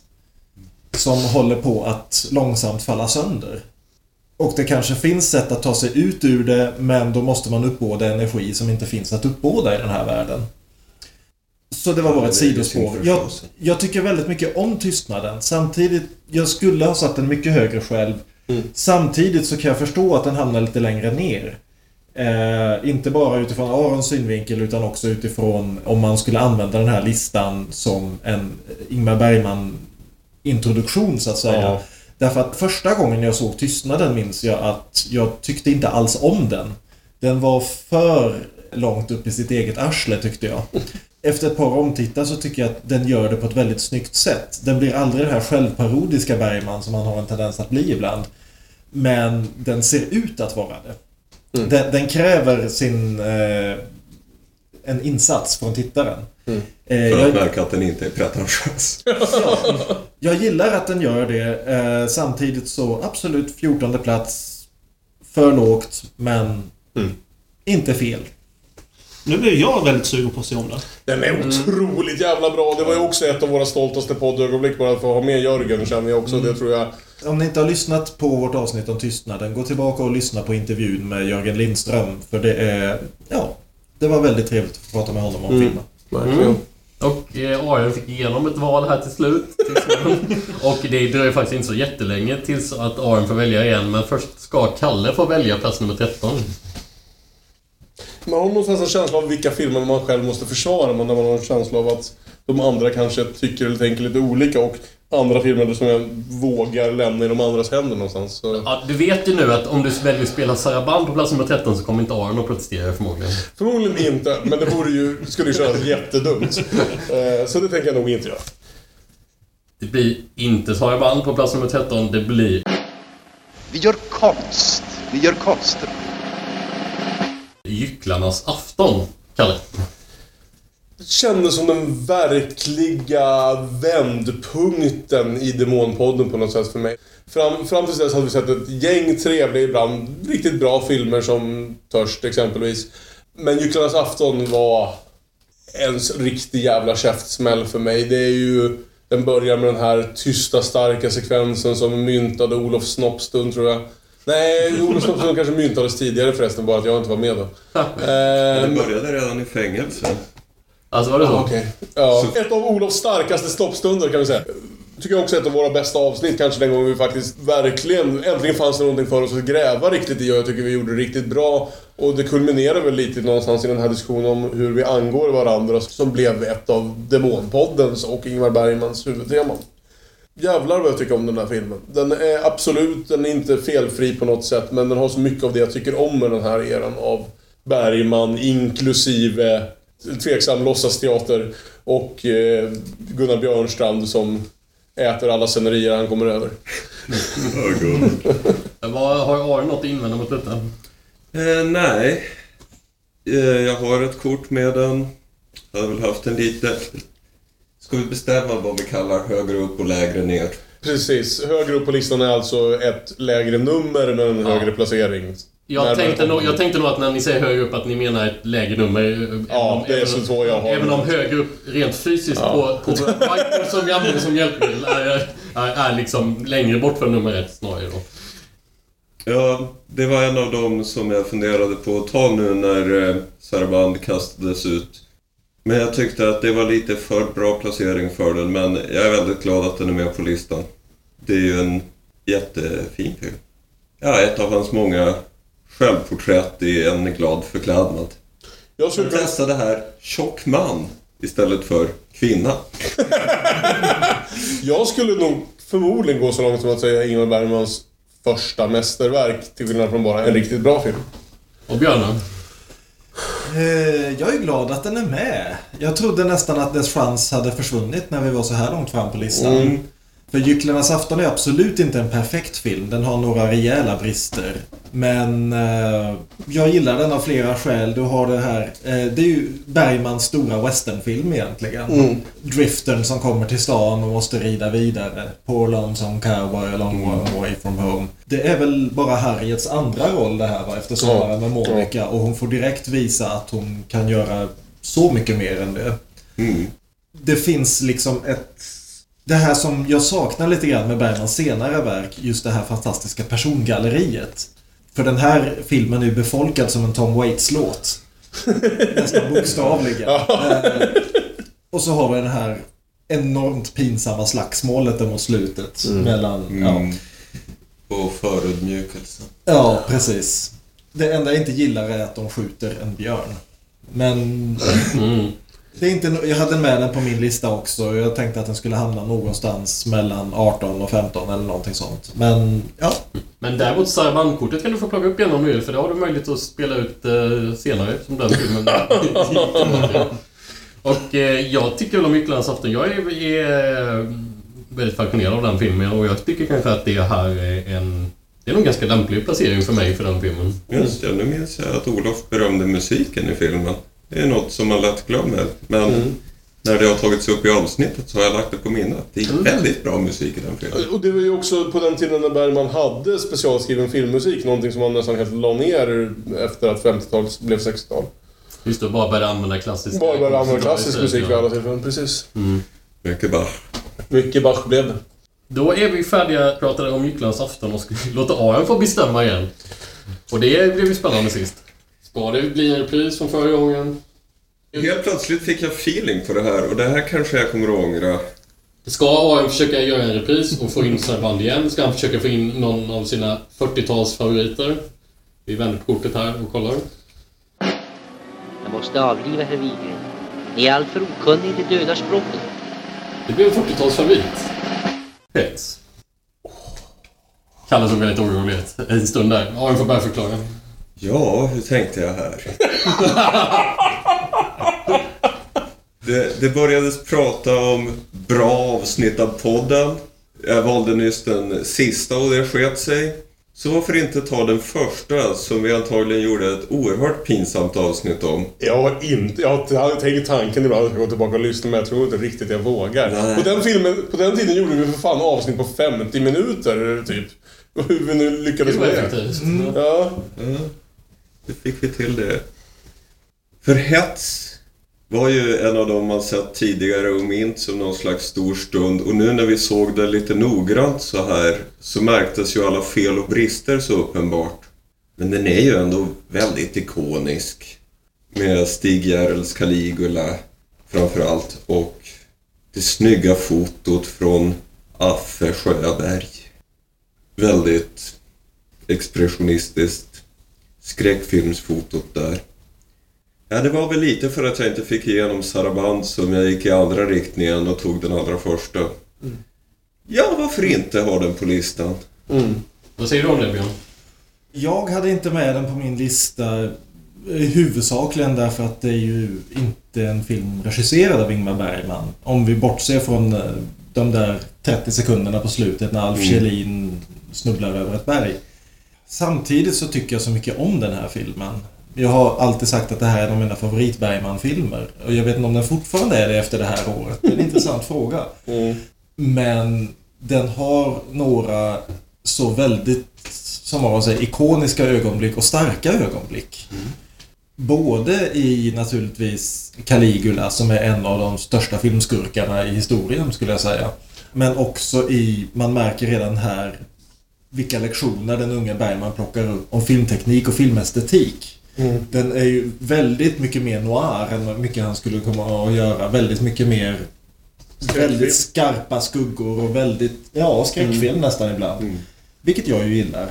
Tolfte plats. Ja, det är lite högt va? Ja, vad fan, varför inte? Ja, lite... Jag fick också den. Ja. Och vad säger Kalle? Jag hade den bland mina kort, men i sådana fall som att jag möjligen kanske, om jag hade fått feeling, skulle ha spelat den istället för Törsta, så verkligen uppe på toppen. Men nu när jag ser den där och tänker på de klassiska ögonblicken, och nu var det så länge sedan man såg den, mer än ett år sedan, herregud vad vi har hållit på. Det är ju ändå en, som du säger, alltså det är en film som... Den är berömd av en anledning. Och eh, när den är bra är den så för jävla bra. Och jag har bara ett veto kvar. eh, så jag lämnar hets där den sitter. Det känns bättre än Saraband på samma plats i alla fall. Och det är en ganska bra titel. Mm. Hets. Och också minnen av att jag fick för mig att skriva låtar och testa sjunga i falsett. Dessa lustiga idéer som den här podden har fått. Du talar bra latin då. Om eh, ytterligare ett eh, nummer här så har vi kommit halvvägs och vi kan ju konstatera än så länge att det bara är filmer från Bergmans svenska produktion. Vad har hänt med alla de tyska filmerna? när får vi, när får vi se dem? De finns på den andra listan. Alltså, jag har många filmer kvar i högen. Så vi får se. Vad säger Kalle för plats nummer 11? Slangerna. Plats nummer 11. Förslag från Kalle. Hon kommer en gång i veckan och så städar hon och sen lagar hon kaffe och sen ligger vi med varandra. Skammen. Jag vet att jag är ohyggligt mycket mer förtjust i den här filmen än mina två vänner här. När vi gjorde Skammen-avsnittet så eh, var jag och Olof väldigt förtjusta medan Björn och Fredrik lite mindre så. Eh, men Olof och Fredrik har ju tyvärr ingen rösträtt i det här sammanhanget. För mig är Skammen en bra bit mycket högre än det här till och med. Det är absolut en topp 10-film för mig. Den slår mig otroligt hårt. Och det är en sån här film som vi hade en lång diskussion om vad, vad dess politiska mm, mening och huruvida Bergman inte vågar ta riktig ställning och så. Och det är sån en intressant diskussion att ha och en diskussion som jag i viss med- mån håller med om. Men det påverkar mig inte när jag ser filmen. För filmen slår mig som ett knytnävsslag och allt det där andra finns runt om. Det påverkar liksom inte min upplevelse av att faktiskt titta på Skammen på något sätt, även om jag tycker det är en intressant diskussion att ha. Det gör inte till en sämre film. Så Skammen är en film som ligger mig jävligt nära. Också en av de starkaste upplevelserna jag haft under det här året och också en film jag hade sett bara en gång tidigare. Men jag tänker inte heller försöka utmana ödet genom att tvångstrycka in den på topp 10 om jag inte behöver. så, så, så, så jag lämnar den på plats 11 och ser om jag får det att gå iväg. Om inte någon lämnar in ett veto här nu och tvingar Kalle Mm. att spela ut den på plats nummer två sen istället. Vad, vad säger Björn om detta? Det är absolut en effektiv film. Jag hade inte med den i min bibba nu. Eh, delvis därför att jag visste att Kalle skulle spela den.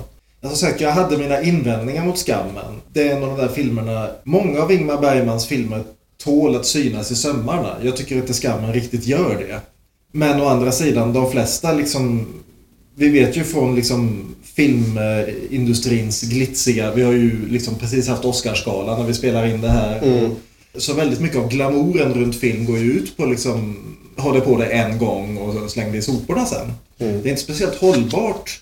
Och Greta Thunberg skulle inte bli glad. Men det är liksom det är så industrin ser ut. Skammen är absolut, när man ser den, en jävligt effektiv film. Eh, Det är en udda film i Bergmans produktion. Eh, Det är liksom det närmaste han någonsin... Det och eh, Or- Ormans ägg är väl det närmaste han någonsin kommer att göra en ren actionfilm. Mm. Och det här är definitivt mycket mer effektiv än Ormans ägg. Mm. Så... eh, Ja. Nej men för de grejerna så tycker jag absolut att Skammen ska få vara på den här listan även om jag tycker den är för högt upp. Så, ja. Då räknar du inte Sånt händer inte här som en actionfilm. Jag räknar bara nätt och jämnt. Sånt händer inte här som en film. Sånt händer inte här är tyvärr inte med i tävlingen. Nej, den, eftersom- it's not eligible, nej, för den Ja, fick inte ett eget avsnitt. Jag har inte ens sett den faktiskt. Ja, skammen. Hade inte varit på min lista. Jag tycker om Kalle och jag tyckte han pratade fint om den. Då kan han få med den. Och dessutom hotar han ju med att lägga 10 ifall han. Vilket var effektiv taktik där. Så ja. Låt Vi så. säger så. Det var kanske mitt mest nervösa ögonblick ändå i hela... När jag funderade på vilka filmer jag bryr mig om och vill ha med och så här. Det där var nog mitt nästan Så nervösaste. var ett hot. Definitivt. Eh, så, en liten eh, repris på de senaste. På 20 plats, Törst från 1949. På 19 plats, Larmar och gör sig till, eh, TV-filmen från 1997. På plats nummer 18, eh, 1961 års Så som i en spegel. På plats nummer 17, Sommarlek, 1951. På plats nummer 16, En passion från 1969. Nummer 15. Eh, 1972 års Viskningar och rop. Plats nummer 14 efter ett eh, veto. Eh, Tystnaden från 1963. Plats nummer 13. Gycklarnas afton från eh, 53. Plats nummer 12. Eh, Bergmans eh, manusdebut. Eh, Hets från 1944. Och nu senast plats nummer 11. Skammen eh, från årtalet 68. Toppen! Tack Fredrik för den fina sammanfattningen av hur långt vi har kommit hittills. Eh, vi hörde Kalle säga här när, när mikrofonen var avstängd kan jag avslöja att det här går lite för bra. för att eh, Little does he know vilka kort som Aron sitter och håller på. kan jag tänka lite grann då. Det kan vi ju fortfarande sitta här och vara lite oroliga för. Aron tycker att vi behöver en 40-talsfilm till. Jag, jag misstänker att Aron kan eh, tycka det. Sen får vi se om det är musik i mörker eller fängelse han tänker slå ett slag för. Mm. Jag är väldigt glad att efter repetitionen fortfarande finns kvar. Åh herre min jävla gud. Jag sa det till dig förut. Efter, efter, I told you but you wouldn't listen. Efter repetitionen har inte blivit sagd, riten har inte blivit sagd. Och Sarah Band har fortfarande en chans kvar. Det finns många spännande alternativ här, men kanske kan det också bli en bra film. Så vi får se. Bara för att ni inte förstår Ingmar. Det är Björn som ska få lämna ett förslag på plats nummer 10. Du tillät det. Jag förstår dig inte. Jungfrukällan. Mm. Varsågod. Du, du nämnde inte min fina lilla illustration där av Mats som knuffar omkull en björk, men ja. Ja, jag förstod ju inte skissen, men, men nu ser jag ju att det är en jättefin eh, eh, teckning av eh, Max von Sydow som knuffar omkring en björk för att få bastuis. Eller hur? Jag tänkte först att det var kanske en bild av eh, titelns källa, men, men eh, eftersom det sprutar lite. Okej, det är inte den sortens... Jag antog, jag antog bara att det var en av Björns många penisritningar. Ja, ja men Jungfrukällan. En film som Bergman själv inte gillade. Eh, men som jag gillar. Jag, jag, jag tycker runt mitten av en sån här hör den hemma. För den är inte riktigt där uppe med de andra. Men den har Utöver att den liksom startade en hel eh, skräckfilmsgenre. Mer eller mindre på egen hand. Och är väl den av Bergmans filmer som har remakats mest också om vi räknar bort alla teateruppsättningar. Så är det ju en, både tycker jag, en väldigt lyckad periodfilm. Hela den här grejen med eh, en ny världsordning som börjar ta över medan den gamla, de gamla mytologierna fortfarande spökar lite grann i, i kanterna och försöker hålla sig kvar i världen. Vi har det här fina familjeförhållandet. Och vi har den här extrema våldshandlingen som är hemskare än egentligen något annat som händer i en Bergman-film. Det är liksom, uh, Dag Bergman fick smisk. Eh. som faktiskt får ha den vikt det förtjänar. Och sedan exploderar i den här enorma urladdningen mot slutet. Och framförallt då se- sedan mynnar ut i ett av Max von Sydows större ögonblick skulle jag vilja säga i en Bergman-film och det vill inte säga lite. Nej. Hans eh, slutmonolog där. Eh, så ja, jag, Men- vill, jag vill ha Jungfrukällan ungefär här och eh, där ska den stå. Men också när Max ger sig på björken är, är ett väldigt stort ögonblick. Mm. Eh, vill jag flika in. Ja. Jag vill flika in att jag håller med Bergman om den filmen. Ja, du gillar inte Jungfrukällan? Uh, Vilken tur att du inte får vara med oss. Ja, Kalle. Jag tycker om Jungfrukällan och jag trodde att jag skulle vara den som behövde kämpa för den. Jag, visste, jag kände mig mer osäker på lite vart mina goda vänner stod på den här. Så jag trodde nog att de... Jag var nästan beredd att ge upp den och tänka ja men jag fick med skammen i alla fall. Jag kan lämna Jungfrukällan åt sidan. Men nu fick jag ju med den, nu kom den ju med ändå så jag är super jätteglad och bra exakt där jag skulle ha placerat den själv vill jag säga. Jag skulle inte ha den på topp 20, men... Eh, Jag har samtidigt inget emot att ha den där. Det är ingen saraband, men... men den har sina stunder som Björn gick igenom fint. Och igen den här miljöskildringen när han får till den här världen. Som är en civilisation upprättas och alla spökena finns kvar därunder. Staden under staden, som det står på asfaltsdjungelns affisch.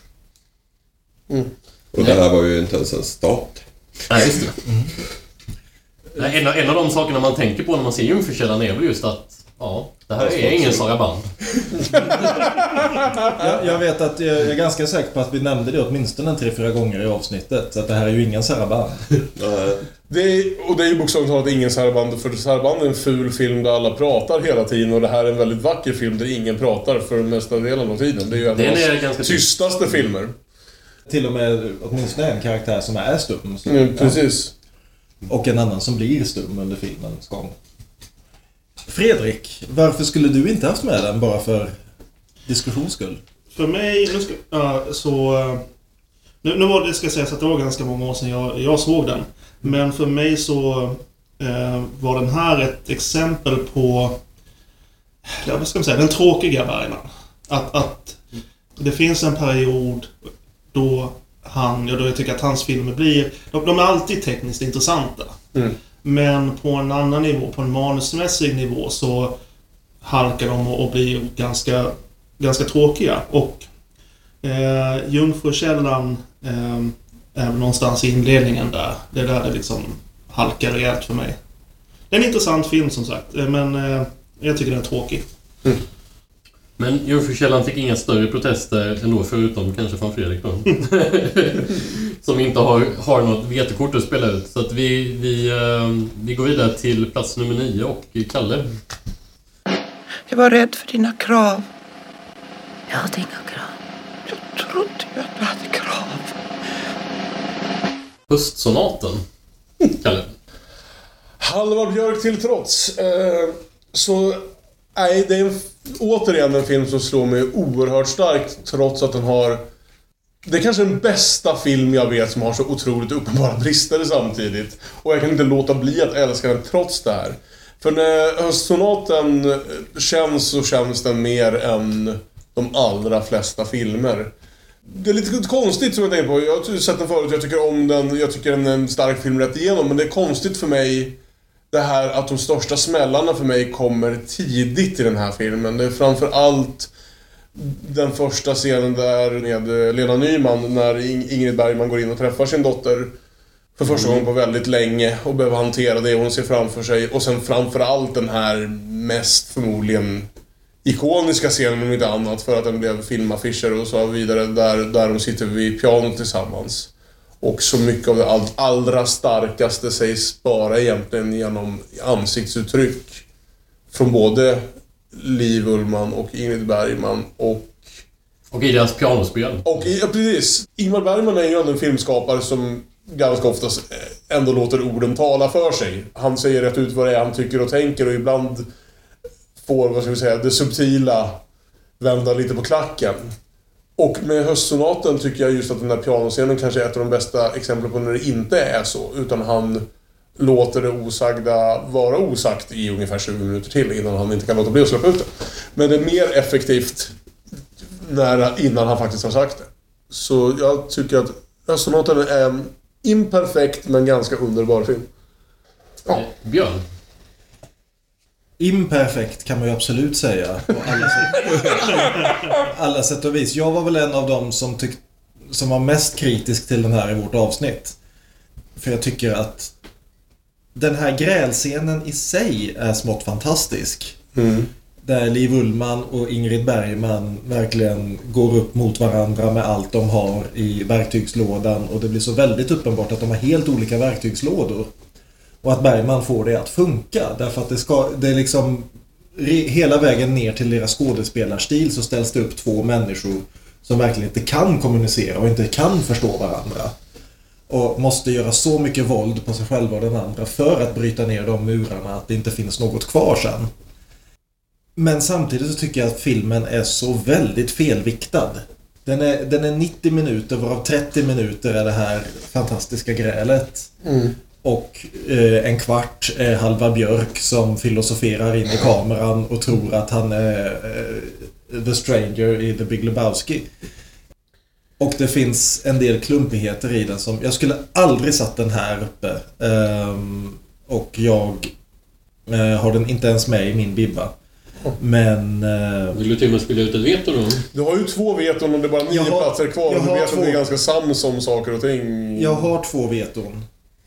Ja, Samtidigt så kommer det se konstigt ut om inte med höstsonaten på topp 20 Bergman och risken är att den kommer tillbaka ännu längre fram. Så den får stå där den står. Eh, Mm. Under protest från mig. det, är inte så, det är absolut inte en dålig film. Och det är absolut, den är absolut inte sämre än Törst. Men eh, jag, jag, jag tycker den är alldeles för högt upp. Men om man, tänk, om man tänker så här att eh, Halva Björk antagligen har vandrat in i höstsonaten av misstag från en helt annan Bergman-film. Han, han, Och, och vilket, vilket, vilket, vilket, konduktören som gick vilse från Söndagsbarn. För, för det är lite typ så han spelar sin roll, Halva Björk, så då kan man ju lite grann eh, tänka bort honom, honom om man vill så uppskattar man höstsonaten bättre. Jag, jag tänker att vi borde ha tagit de här två filmerna i precis omvänd ordning. Så att vi först har Halva Björk och sen så kommer, Ingmar Berg, eller så kommer Max von Sydow in och sliter ner honom. Men vad säger Aron om höstsonaten? Rätt placering. Och eh, härligt att ha med en av de tyska filmerna. Det var det ju, ja. Just det. Tekniskt sett, ja. Herbstsonate. Även om den kanske spelades in i Norge, eller hur det var. Ja. Men tyskt. Och, och det är en Mercedes med i den. Mm. Men det var en tysk produktion, sant. Nej, men du kanske nöjer dig med att de kommentarerna så ska vi låta Björn få välja nummer åtta.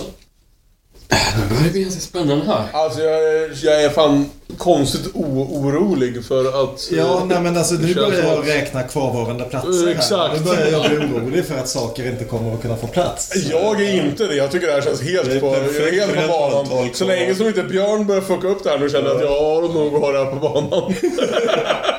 Nu, nu, nu har vi en film här som eh, också kanske ni lyssnarna minns som en av de mer ikoniska poddlåtarna. Det är timmen då de flesta människor dör. De flesta barnen föds. Det är nu som mardrömmarna kommer till oss. Inte då Hundvakten som Björn har skrivit här och strukit över, utan Vargtimmen. Björn. Ja. Alltså, jag, det här var ju en av de filmerna som jag på något vis hade lyckats undvika att se fram till nu. Och efter att ha tittat igenom vad hade, eh, när är den? 68? Så det är 24 år med Bergman-filmer. Där han hela vägen tillbaka till Skepp till Indialand teasar att han ju trots allt har sett ett stort antal eh, skräckfilmer. Och att han skulle kunna vara en skräckfilmsregissör om han bara ville. Om han inte var så upphängd på allt annat. Och i varje timmen så äntligen hittar han en väg in som gör att han får göra en skräckfilm. Utan att det blir bara en skräckfilm, utan att det blir en Ingmar Bergman-film med allting som t- därtill hör. Samtidigt som han får släppa loss sin inre David Lynch. Eh, som väl vid tillfället var hur gammal? David Lynch? 20 år Ja, precis. Och eh, göra en film som är en så perfekt mardrömsscen nästan från början till slut. Som står ut på så många sätt i Bergmans produktion. Eh, både genom att, att det är en skräckfilm men också i sättet eh, den bryter mot alla metanivåer. Sättet i hur, hur den bryter mot könsnivåer, bara en sån sak. Eh, vi- det har hänt förut i Bergman-filmer att män har klätt ut sig till kvinnor men här så blir Max von Sydow något annat än en man. Det är en film som kommer från något så mörkt ställe och blir något så udda i Bergmans produktion och samtidigt lyckas så väl med det. Man tänker att det här borde kunna bli en sån film som En passion eller eh, Fängelse. En film där han prövar något helt nytt och vi sitter här eh, massa 50 år senare och tänker Ja men det där var ju ett intressant försök. Den är ju spretig som fan. Och den är rörig som fan men okej då, den kan få vara på plats 20. Istället så tycker jag att han lyckas med nästan alltihopa i den. Och det är det som är så fantastiskt. Det är en riktigt lyckad film. Eh, som trots att den är så annorlunda så väldigt mycket annat han har gjort och ändå på något vis passar så väl in i hans produktion. Och du har Max von Sydow och Liv Ullmann som eh, väl för första gången här spelar Ja, detta var innan skammen. Ja, precis. precis. Eh, och direkt har sån fantastisk kemi och du har de här enormt mörka scenerna i deras stuga i kontrast med de här helt galna scenerna på slottet. Och de här mörka skogarna som vi känt igen från några tidigare filmer men som här liksom är mörkare och hårdare än någonsin, inklusive Sjunde inseglet. Mm. Och det är, ja, en så jävla bra film och jag är så glad att jag fick se den ihop med er.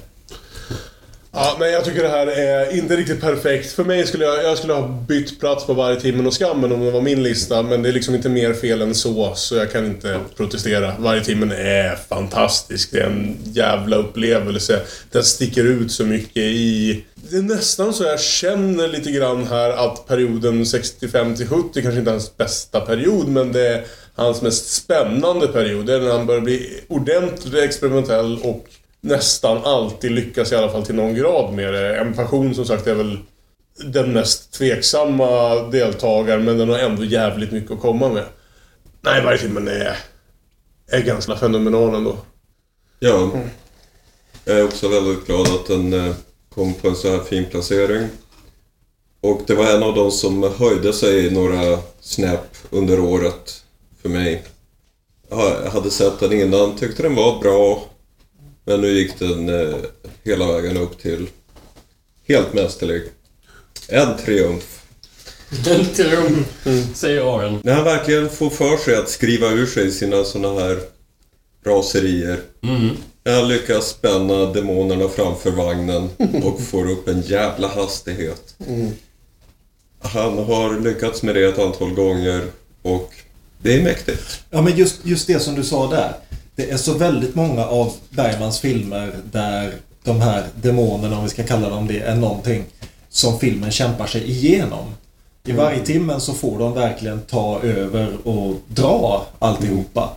Och hela filmen drar ju iväg något rakt åt helvete, bokstavligen och bildligt. Mm. Att det är sån svung i den där filmen. Ja, Alltså. mm. Ja. Så kompromisslöst och... Ja, Ja, det är härligt. Men nu Aron är det dags för Sarah 7, eller jag menar nummer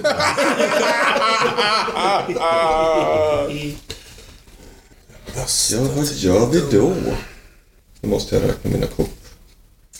Ja, alltså du har ju inklusive den här så har jag, kommer du få lägga tre stycken eh, filmer.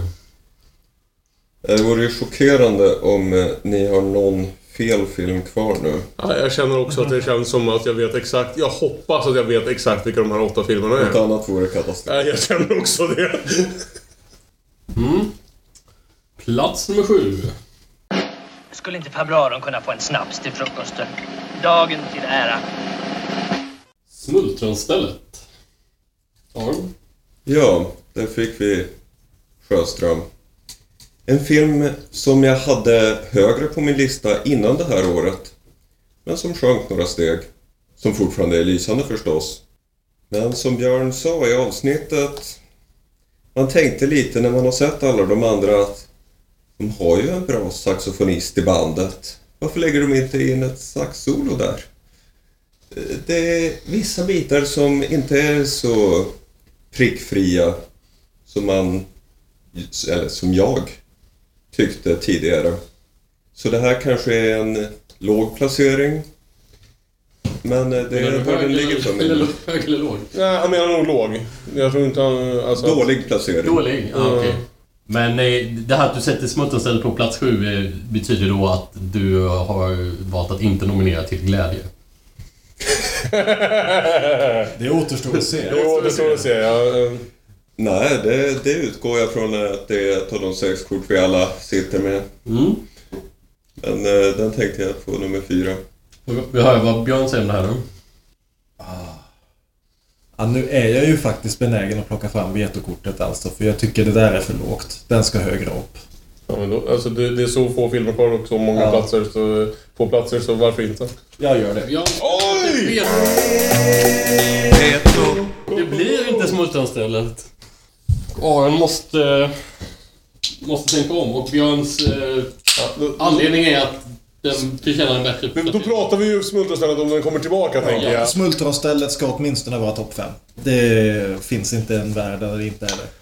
Jag, jag känner mig, när, när den landar, jag håller egentligen i princip med Björn. Samtidigt som jag kände nu när den väl låg där den ändå var på plats sju att ja, men jag, känner nog, jag orkar inte bråka om det här. Så jag är glad att Björn bråkar lite istället för mig. Ja, då kan du plocka upp det kortet och Eh, välja ja, det, nytt.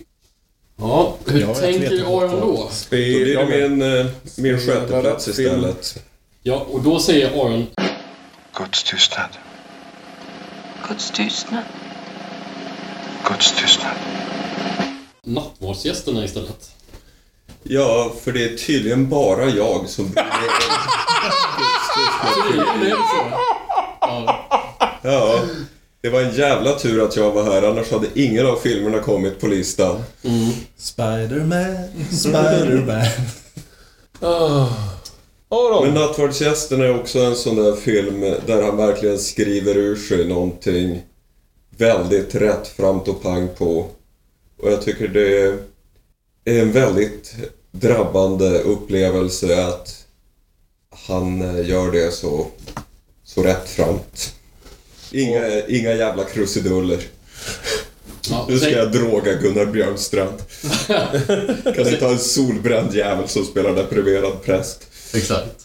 Vad säger kan du? inte Vad ha säger Kalle bra hållning. Jag hade ju den konstiga upplevelsen där jag hade sett hela Guds tystnad-trilogin, inte som en trilogi tidigare utan utspritt över säkert flera år och jag kommer inte ihåg i vilken ordning ens. Men hade känslan, alltså innan vi startade Demonpodden, av att jag tyckte Nattvardsgästerna var den starkaste av de filmerna. Tystnaden som jag inte hade sett på väldigt länge var förmodligen den svagaste. Och hade en upplevelsen där jag helt slängd om det här. Nattvardsgästerna skulle nätt och jämnt komma in på min topp 20. Jag tycker faktiskt den var en av de få gångerna när en 84 minuter lång film lyckas göra mig lätt uttråkad. Med det sagt är det ju, jag kan någonstans, folk var snälla mot mig med skam, men det är inte en dålig film. Den ska ju vara på en topp 20. Definitivt om inte en topp 10. Eh, och när den är bra är den ju för jävla bra. Det är bara att jag tycker den är ganska tråkig mellan när den är bra.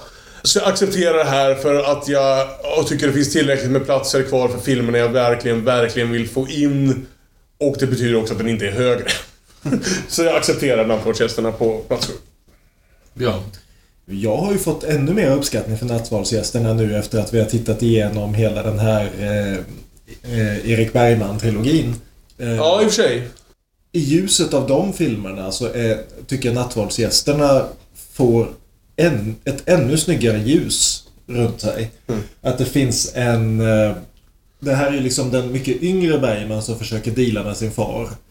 Och gör det på ett antagligen ohederligare men också mycket intressantare sätt tycker jag. Berätta sanningen kan vilken idiot som helst göra. Men ställa upp en film på det här sättet, det kräver lite mer än så. Och även i ljuset av remaken då, så vi väl får kalla den, eh, Paul Schraders film. Så tycker jag Nattvardsgästerna står sig något oerhört väl. Det är liksom den sån här historia som både Bergman och andra filmskapare har försökt återvända till och göra någonting mer med. Men det är som att det blir som när man bättrar på en altarmålning liksom. Det blir bara Monkey Jesus av alltihopa. Den, den ska vara sådär spartansk, vitmålad och karg. Och kanske är tråkig ett ord att beskriva det, men på ett bra sätt. Ja, precis. Det är liksom... Ja, jo, Världen behöver ibland få vara tråkig också. That's I, i, I en värld där vi har förklarat krig mot uttråkning, eller där vi har förklarat krig mot tråkigheten, så gillar jag att nattvardsgästerna får stå där och vara så fullständigt sig själv som den är. Och vara så jävla vacker som den är när den är det. Som Buzzcock sa. Bada, bada. Badum, badum. Det var så Bergman tänkte. Pungfilm. Ja, absolut. Så, ja. Och jag tycker ju att det, det känns helt rätt att den här hamnar bäst till Augusts tystnad eh, trilogin som Aron så förtjänstfullt har petat in. Ja, så att det är. Eh, jag tycker väl till och med att Nattvardsgästerna kunde hamna några nummer bättre. Det är nog en av mina absoluta Bergman-favoriter. Mm.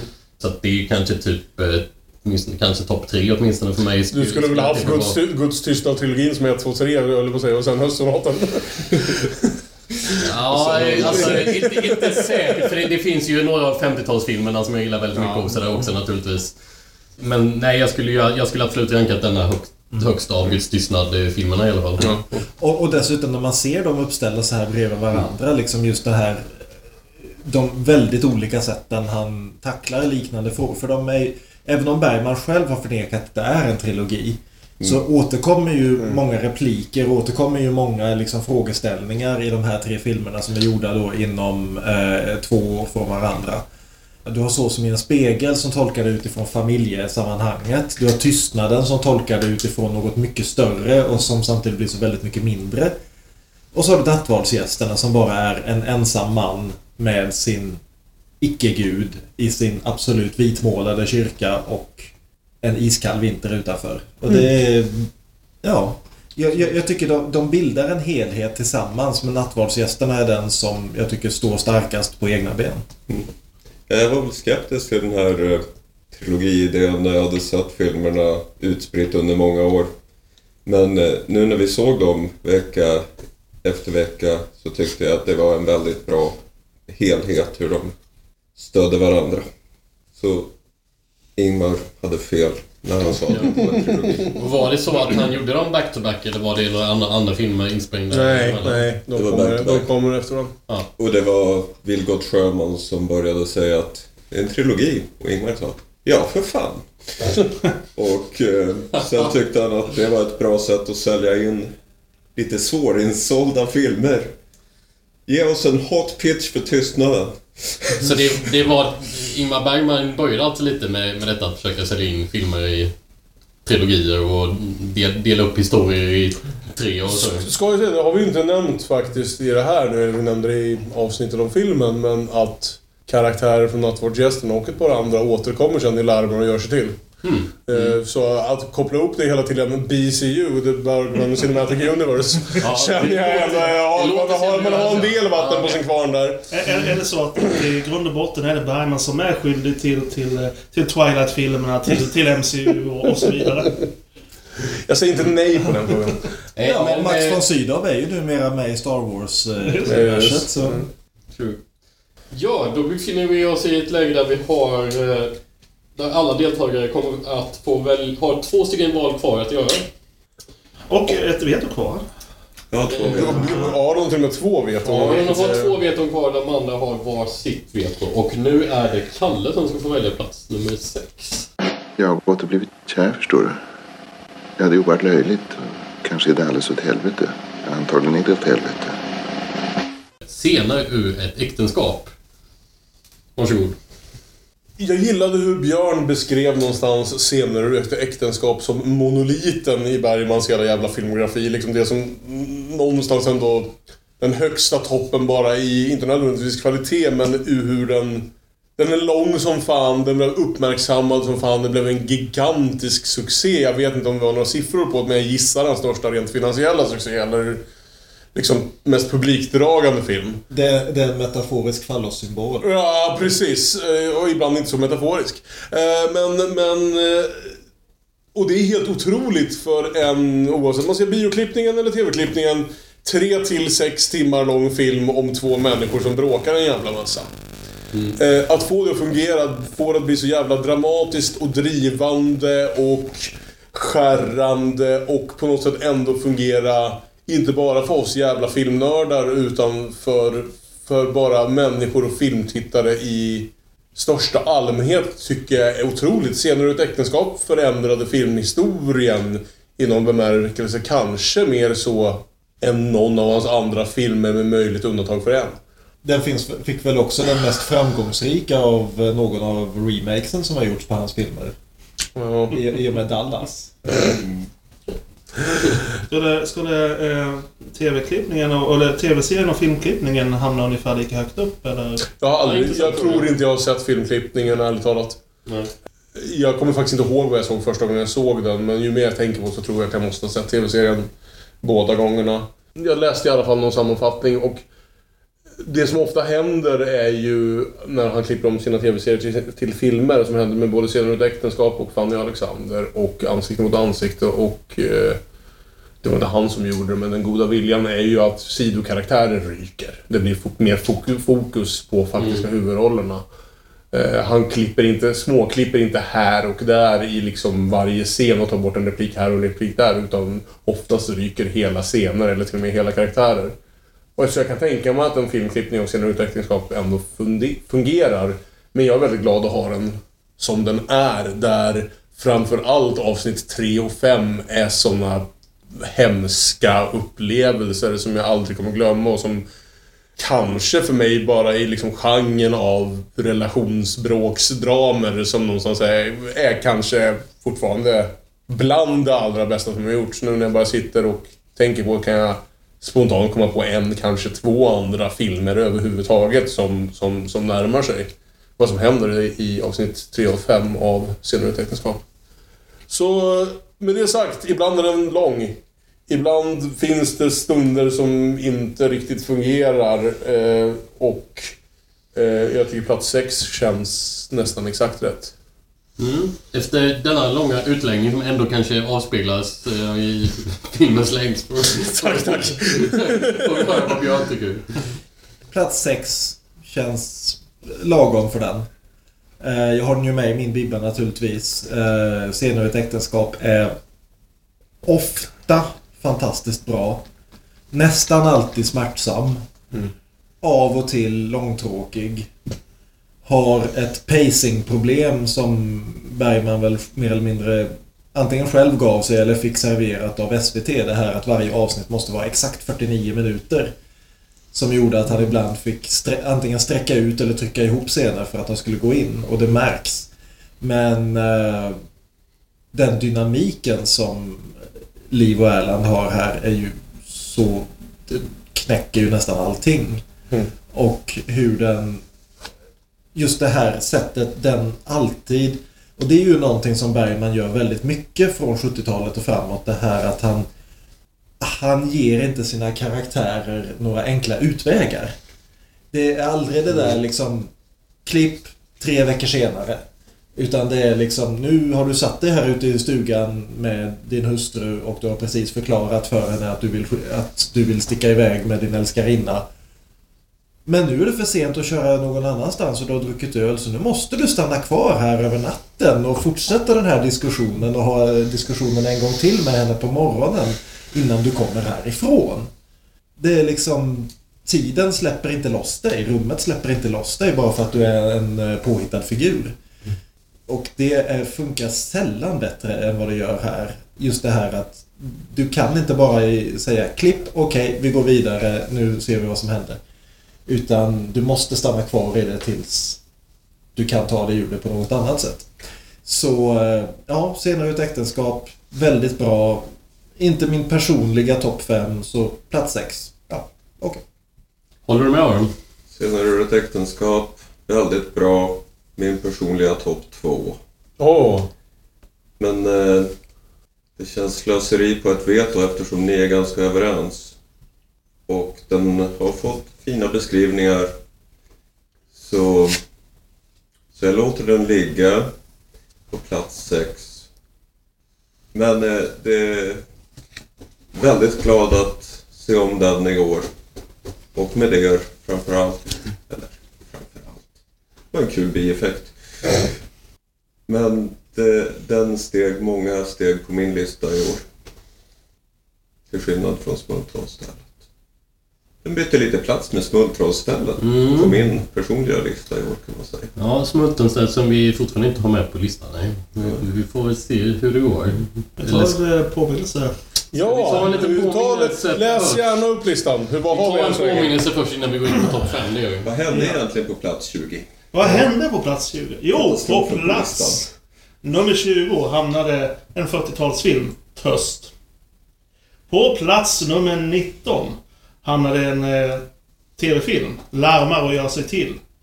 En, eh, en 90-talsfilm. Eh, Jag, jag gillar att det är 48 år mellan vår plats 20 och vår plats 19. Ja, jag tycker det också. Plats nummer 18, Så som i en spegel. Plats nummer 17, Sommarlek. Plats nummer 16, En passion.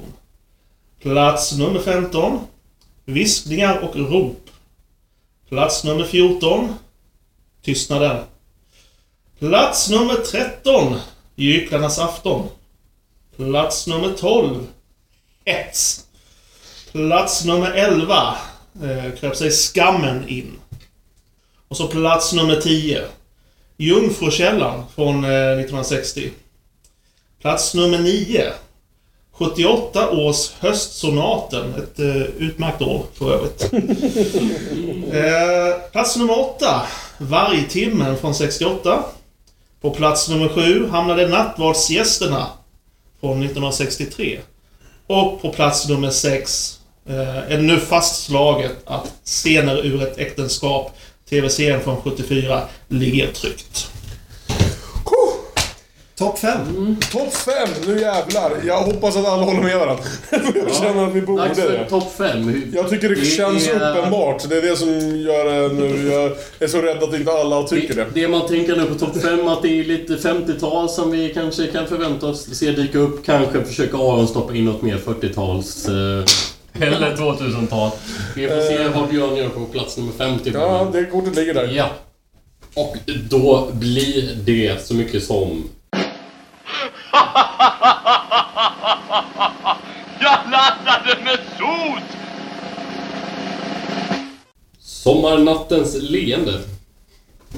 Perfekt. Ja. Perfekta filmen att lägga på eh, för den som tror att Bergman, han, ja men jag har aldrig sett någon Bergman-film för det vet ju alla att han är så tråkig och han är så... Det är liksom bara människor som sitter och har ångest. Min norske svåger som ibland har svårt att plocka upp svenska ord asgarva till den här filmen. Han tyckte den var svinrolig. Den är ju det. Sommarnattens leende är, med undantag för Sjunde inseglet, Bergmans klart bästa komedi. Den lyckas vara det trots att det så väldigt uppenbart är en Ingmar Bergman-film. För alla de grejerna som sen, för den här är ju ändå ganska tidigt, den är väl från 55 va? Det stämmer. stämmer. Mm. Så har den ju så väldigt mycket av det som Bergman sen ska tillbringa de närmaste 50 åren med att bena ut. Det är liksom det är förhållanden och det är existentialism och det är Guds existens och det är moralism och det är eh, Luther och det är impotens och det är ont i magen och alltihopa. Men alltihopa får en liten, liten distans tillräckligt för att han ska kunna spinna det här till ren komedi. Och gör det så jävla väl. Sättet han sätter loss eh, Gunnar Björnstrand och Jarl Kulle och Dahlbäck och hela det här gänget och Harriet Andersson förstås. Och verkligen låta dem gå fullständigt bananas på all den här ångesten tack vare då den här magiska sommarnatten där precis vad som helst kan hända. Och liksom bara replikskiftena som är som en fäktningsmatch. Ja, det är en fantastisk film. Och eh, jag vill egentligen nästan ha den högre än femte plats men det, den har ju ganska hård konkurrens. Det? Ja. Sommarnattens leende. Bra film och perfekt att ge till folk som tror att Ingmar Bergman är tråkig. Pre- Precis som att ångest inte kan vara kul. Folk har förklarat krig mot ångest. Men eh, Kalle har ju redan gjort en high five på den här. Ja, nej. så, så att vi misstänker att han eh, kanske skriver under. Everything is coming up Kalle här. Jag känner att den här topp 10 eh, följer ganska exakt hur jag hoppades att den skulle bli. Små skiftningar här och där skulle jag vilja göra, men ärligt talat. Jag, jag, jag sitter här och ler. Underbar jävla film. Alltså det är ju den mest, förmodligen den mest genuint underhållande av alla Bergmans filmer. Den som inte alls tar emot att se för att man kommer behöva brottas med sin ångest eller något annat. Som de ju andra, både bättre och sämre filmerna har lätt att frambringa. En ren jävla njutning. Nej, perfekt. Aron? Man hade ju gjort några komedier här just innan. Eh, ja, En lektion i kärlek var väl året innan. Mm. Och Kvinnors väntan var... Väl, det var inte så mycket komedi som den utgav sig för att vara. Men den tredje- den där sekvensen. Och eh, här får han det att stämma i en hel film. Och det är så underbart. Att han använder samma teman till komedi och... Eh, well, inte skrattfester som Sarvald.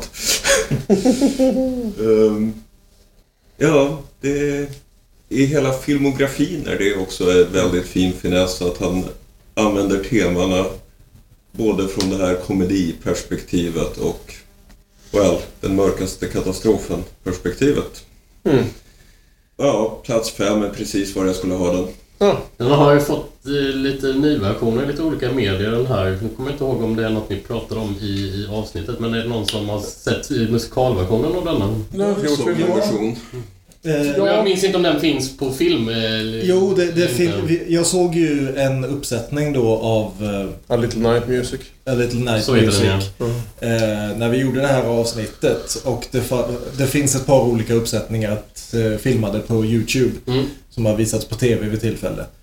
Eh, Send in the Clowns är väl en bop. Men i, i övrigt så tycker jag eh, nästan alla val de gör där de avviker från originalstoryn är illa valda och sättet de sätter upp det som är kvar av originalstoryn är inte i närheten av vad Bergman gör. Så ja. Jag försökte minnas någonting när vi spelade in avsnittet. Du var inte med på det här avsnittet, Nej. Olof. Ehm, och Jag försökte minnas om jag hade några känslor åt vare sig ena eller andra hållet om, om Woody Allens uh, Midsummer Night's Sex Comedy. Som ju också är en... Som också är en slags nyinspelning, slags ja. nyinspelning.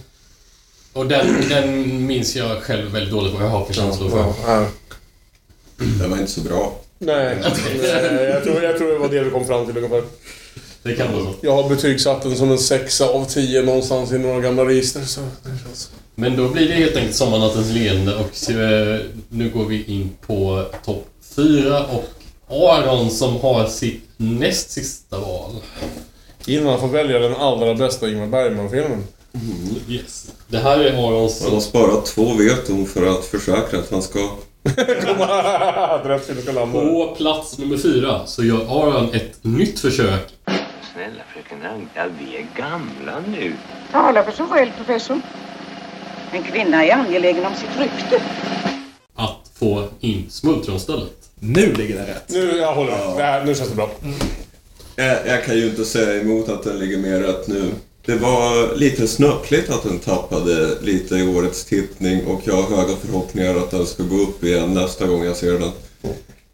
För den är ju så fantastisk. Och det är personporträttet Viktor Sjöström och hur han väver ihop det. Det är, det är så episodiskt. Men eh, bildar ändå ett helt livsporträtt. Det är stort. Det är nästan bara en ung människa som kan tro att slutet ska vara så heltäckande. Fan. Det gillar jag. Det är någonting väldigt ungdomligt över filmen, trots allt. Ja, vad var han där? 39? Ja, Ja, det stämmer nog. Ja. Hur gammal var eh, Sjöström? Ja, han var ju rätt mycket äldre. 10 kanske. Nej, inte riktigt kanske. 75. 76, 77 Ja. Som Bernie Sanders. Och det här var ju, och det var ju ganska långt Viktor efter, efter. Viktor Sjöströms liksom, eh, Hans medverkan i hade ändå liksom precis. dalat en del. Ja, Viktor Sjöström är ju väldigt, eh, gör ju en väldigt stark insats i den här filmen. Och det, det ska ju nämnas att det är ju inte Viktor Sjöströms första insats i en Bergman-film. Nej. Vi har ju inte pratat eh, på den här listan om Till glädje. Jättekonstigt! Och inte om bildmakarna heller. De kan mycket väl dyka upp. Bildmakarna är inte en officiell... Nej, just det. Det, det hade inget avsnitt om den. Just det. Men eh, ni jublade ju, eh, Björn och Kalle, så att ni har kanske inte så mycket att säga Nej, att- nej, det. Nej, men- nej, men Smultronstället är en... Det är också en sån här liksom bra introduktionsfilm, men det är framförallt... Det, det, det är en film som liksom jag tycker... Jag håller inte riktigt med Aron heller om att den tappar vid omtitt, för jag tycker den liksom blir bättre varje gång jag ser den. Ja, det var oväntat. Den- Jag har sett den många gånger tidigare. Ja. För det, det, det är liksom... Det är en film som har så pass många bottnar att man hittar nya saker i den i takt med Mm. att man själv eh, närmar sig den där eh, tvångspensioneringen. eh, så... Eh, ja, nej men... Och bara liksom sättet den fungerar som en vanlig hederlig road movie också. Att den faktiskt funkar som det. Och det finns inte många road movies i svensk filmhistoria och jag vet inte riktigt varför. För jag menar sträckan förbi Vättern där är väldigt bra att Ja. skjuta road movies på. Jag, jag, jag känner så här, jag förstår lite vad Aron säger med att, att eh, så här, för det, det kan man ju se kanske är lättare att jämföra med, höll på att säga, med popmusik eller popkonst. Att vid något tillfälle kan man lyssna sig trött även på saker som är briljanta. Jag lyssnar till exempel extremt sällan självvalt på Beatles längre. Det betyder inte att Beatles är dåliga nu.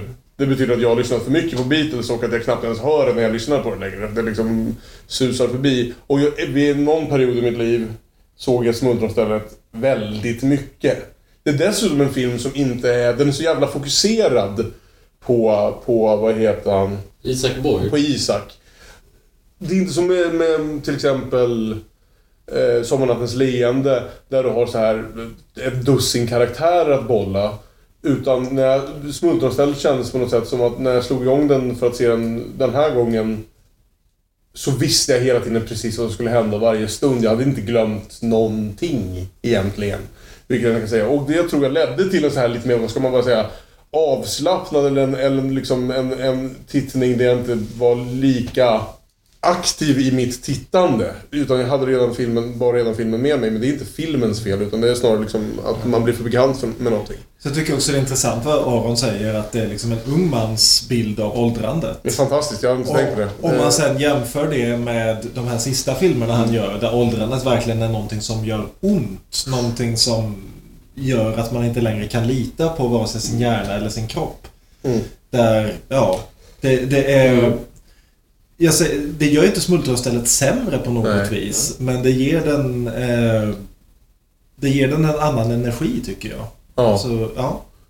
På så vis i sådana fall en ohederligare bild av åldrandet än till exempel Saraband där... Nu låter det som biskopen tycker jag. Ja, men... men, men Men som Björn men, sa, att tala sanning kan vilken jävel som helst göra. Ja, men, ja, men exakt. Nej, alltså smultronstället. Det där. Smultronstället hela dagen. Smartaste till något annat. Nej, jag är faktiskt lite nöjd att ni puttade upp den nu när jag ser den där på listan. Nu har vi tre platser kvar, en per person. Det är sjukt spännande. Jag tänker så här, det finns fan inte en chans i världen att vi inte är överens om vilka de här tre filmerna är. Eh. Frågan är vilken som landar på vilken plats. Åtminstone två av dem, ja. Men vilken är den tredje? Va? Vad fan?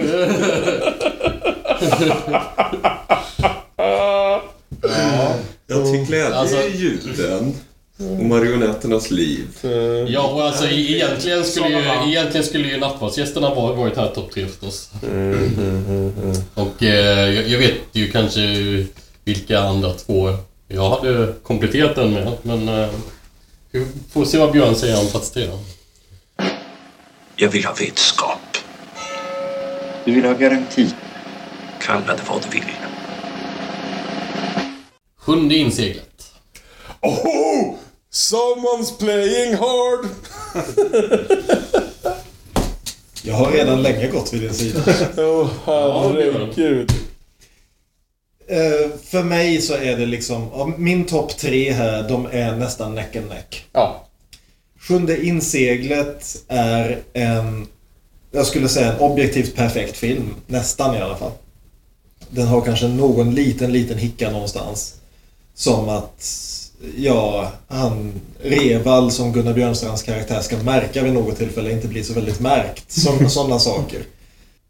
Men i övrigt så älskar jag Sjunde inseglet. Det är en film jag har sett så många gånger och kan se så många gånger till.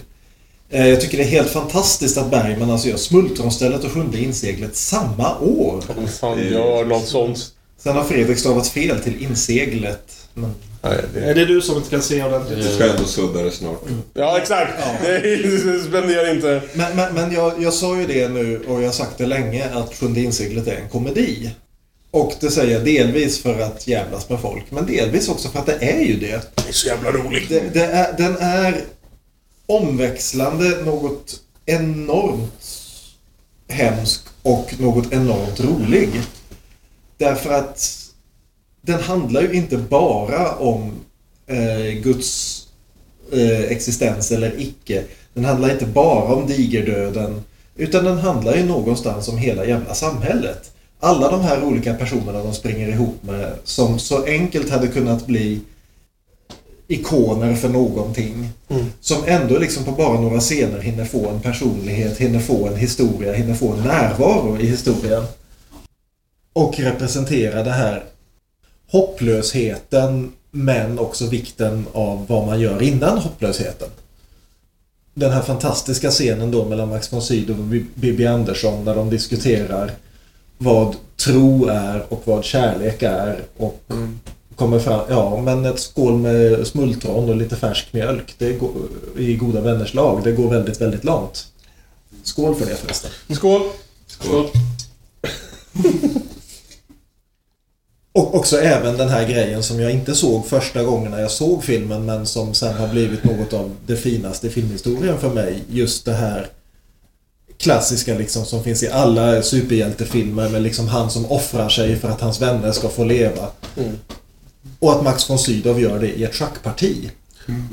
Och det är genomgående en film om hopplösheten och döden och epidemin och alltihopa som kommer ut i att vara så jävla hoppfull och så jävla vacker och så jävla hemsk och så jävla rolig.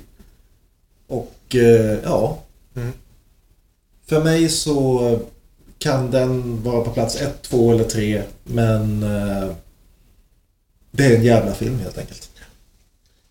Jag tycker den ligger ganska perfekt där, särskilt om jag vågar gissa mig till vad plats 2 och 1 är. Grejen är ju att jag lämnar nog över ordet ganska fort för jag misstänker att Aron won't let this stand när han sitter med två veton. Veto. Nej, Veto från Aron. Oj, oj, oj. jag kan inte låta den vara på plats tre. Ja, så vi återkommer till. Jag tycker. Då får jag spela en annan. Det får du absolut göra. Björns andra val till plats nummer tre. Brustenheten i vårt liv. Kyss med den ryggen byter namn nu. Fanny och Alexander. Fanskap. Jag hade kunnat stoppa in typ Sommaren med Monica. Jag vet, jag vet att du hade det. De här två och en till är ju så enkelt topp tre. Fanny och Alexander, samma sak egentligen. Att det är, de, de går väldigt bra ihop, liksom just den här hopplösheten ur mörkret. Fanny och Alexander är ju en film som man ofta tänker, speciellt om man har sett den runt jul liksom och kanske drivit bort efter första en och en halv timmarna eller någonting och gå och äta eller vad fan som helst så är det liksom först, den börjar så väldigt lyckligt och så väldigt nostalgiskt och sen så landar den i bland det värsta människor kan göra mot varandra. Men tar sig ur det med, inte med liksom samhällets eller våldets hjälp utan med fantasins hjälp. Med kärlekens hjälp. I allt snack om att Ingmar Bergman är mörk och svår och alltihopa så är den så över fem och en halv timme så är den så lätt och så livsglad att utan att den tappar bort mörkret. Det är ju det som är fantastiska i slutet där att det är liksom, det här är ingenting som det, det slutar inte där. Alexander är var 12 år gammal liksom. Han Mm. kommer inte gå oskadd ur det här. Men just nu så är det så bra det kan bli. Jag skulle gissa att det är Ingmar Bergmans mest, vad ska vi säga, folkligt älskade film. Om Södra äktenskap var den som flest människor faktiskt såg. I alla fall när den först liksom gick upp på TV och bio. Så gissar jag att det är den som flest, i alla fall svenska människor, håller kär.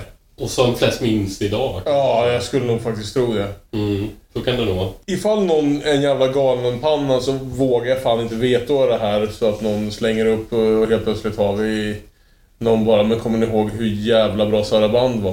Eh, men, men så jag, inte, jag, jag tror faktiskt inte jag kastar mitt veto på det här. För, för mig är Fanny Alexander inte bara Ingmar Bergmans bästa film utan en av världens fem bästa filmer. Det vågar jag säga. Men jag, jag, jag vet inte, jag vågar inte rubba någon cirklar här. Den är på listan på topp tre. Liksom, Ingmar Willing kommer topp två att vara precis de två jag tror att det kommer vara och inte några jävla knäppheter. Så vi lämnar väl den där då. Jag tror jag, jag, ja, jag, jag accepterar Fanny Alexander som bara en av Ingmar Bergmans tre bästa filmer. Fredrik frustrar åt mig på ett sätt som... Eh, Jag, jag är inte arg Karl, jag är besviken. jag kan, inte få den till, jag kan inte få den till plats ett. Jag kan inte få den till plats ett. Så då är frågan, spelar det någon roll om den är plats två eller tre egentligen? Särskilt med kvaliteten på filmerna som jag vet kommer vara på plats ett och två. Och nej, in, nej, risken är att man eh, helt plötsligt bestämmer som sagt någon sig för att... Tänk Tro- om, tänk om trolösa. bara att spela nära livet på plats ett. Ja, då har ju jag veto kvar. Det, är, du, det du argumenterar för just nu är att jag ska behålla mitt veto. För därför sant, jag är spelar Aron nära livet på plats ett. Nej, vi, vi, vi lämnar den där. Jag, jag vågar inte. Det är en av Ingmar Bergmans officiellt tre bästa filmer. Å andra sidan så har ju Björn också ett veto att lämna Ja. emot ett eventuellt Men Björn kanske har blivit... Och Aron sitter på både Halmstad och efter repetitionen. Ett veto. Jag förstår. Jag förstår. Ja, det kan bli... eh, Nej, nä, nära nog. Alltså, det är en list, den här listan är så jävla bra hittills. Det är, vi kommer gå igenom det sen. Det är få saker jag skulle ändra på. Så nej, nej, nej. eh, I dare not. Vi lämnar det så helt enkelt. Det är, det är förbannat hög klass på allt nu. Den är fyra på min personliga lista eftersom jag har gått och blivit världens största scener ur ett äktenskap-fan. Rummets största i alla fall. Eh, Jag tror att jag förstår den lite bättre än resten av här Har, har du åkt på scener ur ett äktenskap? Kon om jag får fråga. Den jävla pöben. Är- en, en vecka på Fårö. Bergmanveckan kallas väl det? BYOB.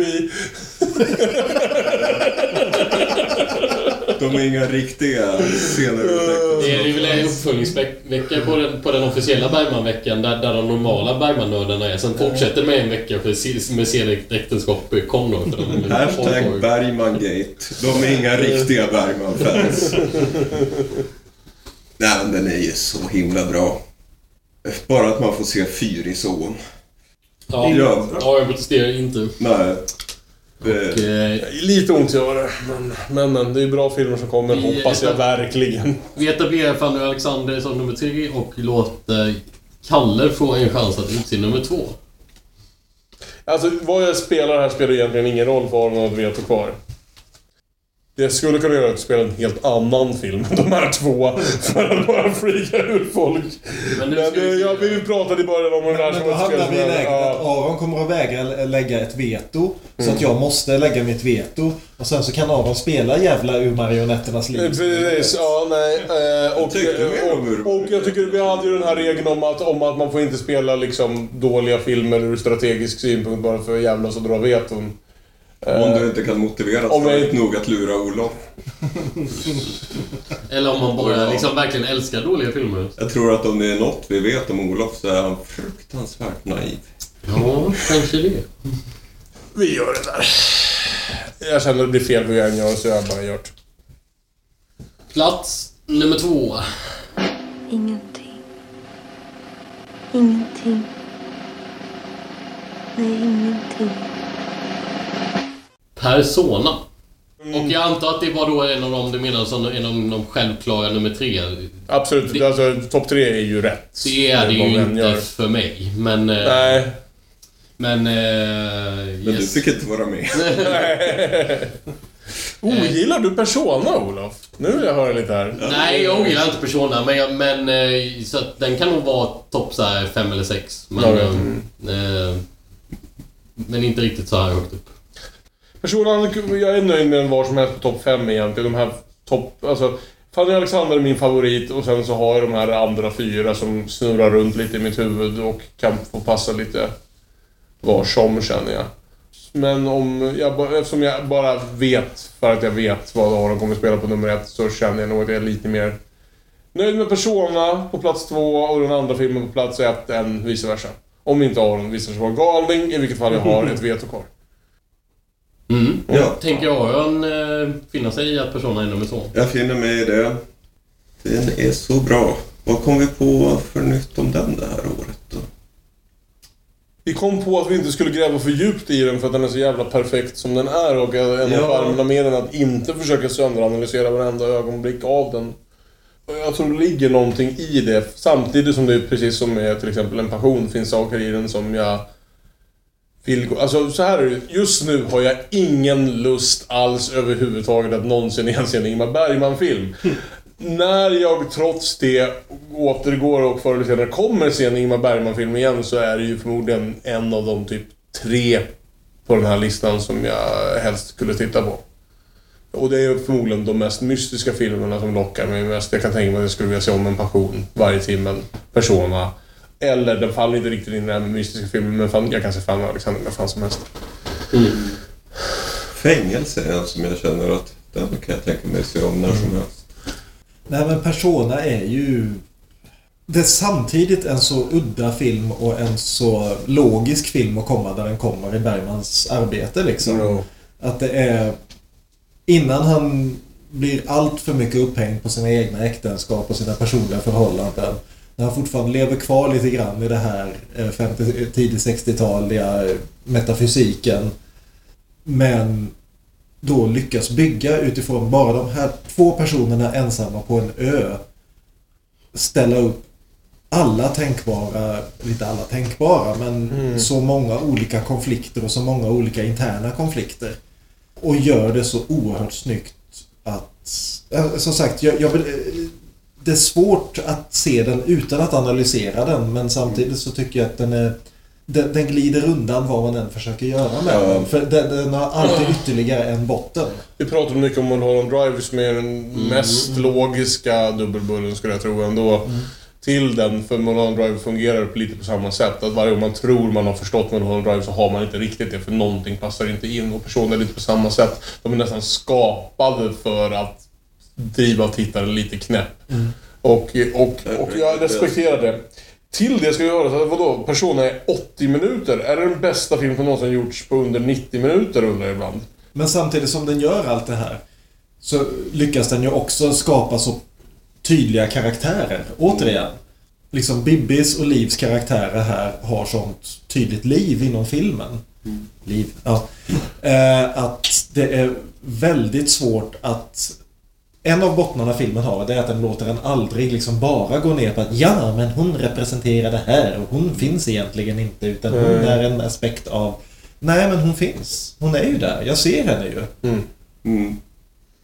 Det... Ja. Och det är någonting det vår vän Ingmar brukar säga. Han har läst Schopenhauer och han tar citatet och säger att det handlar om film istället för musik. Att det går bortom förnuftet och rätt in på känslorna. Persona är ju så mycket en, en film om film. Mm. Och filmmediet och hur det funkar, vad man gör med det. Ja, dels introsekvensen där vi ser filmprojektorer. Sen när filmen brinner sönder mitt i. Sen i slutet när vi plötsligt är på en filminspelning. Det är ju lite den avhandlingen om film som bara kan göras i filmmediet. För så fort man bryter ner det i fina propositioner så tappar man själva fenomenet. Så det går inte riktigt att översätta. Men just därför är det ju så kul att prata om. Mm. Toppenfilm. Bra placering. Ja. Jag vore chockad om något oväntat hände här just nu. Nu är det alltså Ja, Aron, Aron som ska få utse plats nummer ett. Det är den allra bästa. Bergman-filmen. Ska, ska vi gå igenom topp 19? Det tycker jag faktiskt. Tycker ni ska göra det först? Ja, det skulle vi kunna göra. På 20 plats, Töst från 49. På 19 plats, Larma och gör sig till, TV-filmen från 97. På 18 plats, Så som i en spegel från 61. På 17 plats, 51 års sommarlek. På 16 plats, En passion från eh, 69. På 15 plats, Vis- Viskningar och rop 1970, eh, 1972. På 14 plats Tystnaden från 63. På 13 plats Gycklarnas afton från 53. På plats nummer 12 Hets från 1944. På 11 plats Skammen. Eh, intressant men överskattad, eh, men eh, inte fantastisk från eh, 68. På eh, tionde plats Jungfrukällan som jag beskriver på samma sätt. Från 1960. På nionde plats Höstsonaten 78. Mitt födelseår. Därav ett bra år. På eh, åttonde plats Vargtimmen 1968. På sjunde plats 63 års Nattvardsgästerna. På sjätte plats Scener ur ett äktenskap 74. Och så topp 5. På femte plats Sommarnattens leende från 1955. Många femmor på raken här. På fjärde plats Smultronstället från 1957. På tredje plats, alldeles för lågt, Fanny Alexander från 1982. Fanny Alexander är även känd som, som Bergmans bästa film. På plats nummer två 1966 års Persona. Och nummer ett då. Vi, nummer ett som Aron ska få välja och vi har ju fått en del indikationer på att... På Att jag är väldigt svag för Saraband. att Det finns ju 28, han har ju ändå 28 filmer att välja på. att vid det här. Ja, och alltså, en del indikationer har vi ju ändå fått på att Björn och Kalle ville ha det kanske eh, hyfsat självklara valet. Ja, det finns det Eh, Men... två eh, vetokort ligger kvar. Det kan vara en så att Aron i och för sig gillar den filmen men vill pusha för någon annan. Ska se vad det står på kortet. Nu blev jag nervös att jag gav fel Det är fullbordat. Aron säger det sjunde genseglet. Och undviker kanske veton. Vad händer om jag lägger veto nu? Ja, det är exakt det jag tänkte. Vet att jag tänkte den tanken och insåg att då skulle förmodligen Saraband vinna och det kunde inseglet skulle inte vara på... Inte vara med. Fast jag har ett veto till. Jag skulle kunna då vetoa Saraband. Han lägger ansikte mot ansikte, alla gråter. Det skulle vara en tuff match mellan efter repetitionen och Sarvand om det kommer ett veto här. Eller två veton. Eh, Sjunde inseglet från 1957 är ju min älsklingsfilm. Det känns bra att jag vann frågesporten och fick den där den hör hemma. Ja, det här kändes som att det var... Alltså jag undrade om det skulle bli krig. Men jag var verkligen så orolig över att någon skulle bli bitter och börja slänga in en massa faktisk skit i, mitt i topplistan. Så jag vågade liksom... Jag kände någonstans att det här var avgjort redan från när Aron vann frågesporten. Jag visste verkligen, jag kände det i mitt blod vad allas favoritfilmer var. Eller har ju sagt det rätt ut. Men jag kände Björn väl nog. Att jag förstod att personerna förmodligen var starkast för honom. Så eh, konstigt att topp tre avgjordes någonstans för mig i samma ögonblick som jag visste. Eller det här frågesporten. Eh, Fram tills dess var det ju väldigt spännande men jag är superjävla nöjd med den här listan. Man kan väl... Det var ju väldigt kul också att jag vann på just Sjunde inseglet-fråga. Ja. Varför är det din älsklingsfilm fortfarande efter allt det här? Efter, det här jävla året. När du har sett 80... Trots Har du sett 80 jävla Bergman-filmer din tuggjävel? Ja, det var ju också ett sätt att spendera ett år. Finns det en så många? Mm, tydligen. Ja, Pjäser och kortfilmer och så. Räknar du alla tvålreklamerna som en film? Det är- De är inte ens inräknade i den listan. Att jag. varje tvål, tvålfilm är är en film. Eh, Då blir jag uppe på 90 helt Ja. plötsligt. Eh, Men det, det är ju en till sån här film där Bergman tar alla de här tunga ämnena och får ett sånt jävla svung i berättandet. Det, det är en så kompromisslös och uh, rättfram film. Och det sträcker sig hela vägen till fotot var någonting jag tänkte extra mycket på den här gången. Liksom de närbilder som Gunnar Fischer ger på karaktärerna och klipper emellan dem. De ansiktena där Mm. i medeltiden. Och Max von Sydows fantastiska nylle. Och Gunnar Björnstrand som en sån hårding. Som, ja det var säkert den första Gunnar Björnstrand-bekantskapen. Så när han sen visade sig vara en, eh, en stor komiker på det mer flamsiga sättet så var ju det någonting lite oväntat. Det är en ovanlig, det är en ovanlig roll för Gunnar. Ja, det är faktiskt det. Men, men eh, det är ju som man säger, så fort man låter en komiker ta det dramatiska så lyckas de. Ger man en dramatisk skådespelare komiken så, så blir det inte så jävla kul. Äh, den fyrar på alla cylindrar den där filmen. Så var det det här med död. Så var det ju det här med döden. Fortfarande min favoritreplik i någon Bergman-film. Ja, det är ju Söndagsbarn. Det är Söndagsbarn, ja. Så var det ju det här med döden. Men det skadar ju inte att eh, Max är så himla snygg i den här filmen. Ja, nej det, det skadar ju aldrig. Och, och att han... Bibi han- Andersson spottar man inte heller på. Nej, det är väl onödigt. Men, eh, och Max har väl redan i eh, den här filmen et- etablerat samma utseende som han sen skulle ha de följande 60 år, 60 år. Han, han, han är väl typ 19 här och, se- och, och ser ut som eh, 43 och det var så han skulle se ut sen i resten av Ja, det var hans Ja. första Bergman-film det här också. Mm. Hur han liksom kom in där med... Ja, det är en enorm eh, tempoväxling han gör där med Sommarnattens leende egentligen. Går in i The Imperial Face, som Neil Tennant brukar säga om tiden där ett band can do no wrong. Allt de Mm. spelar in blir bara guld. Ja. Vilket för Pet Shop Boys var alltså mellan 87 och 93.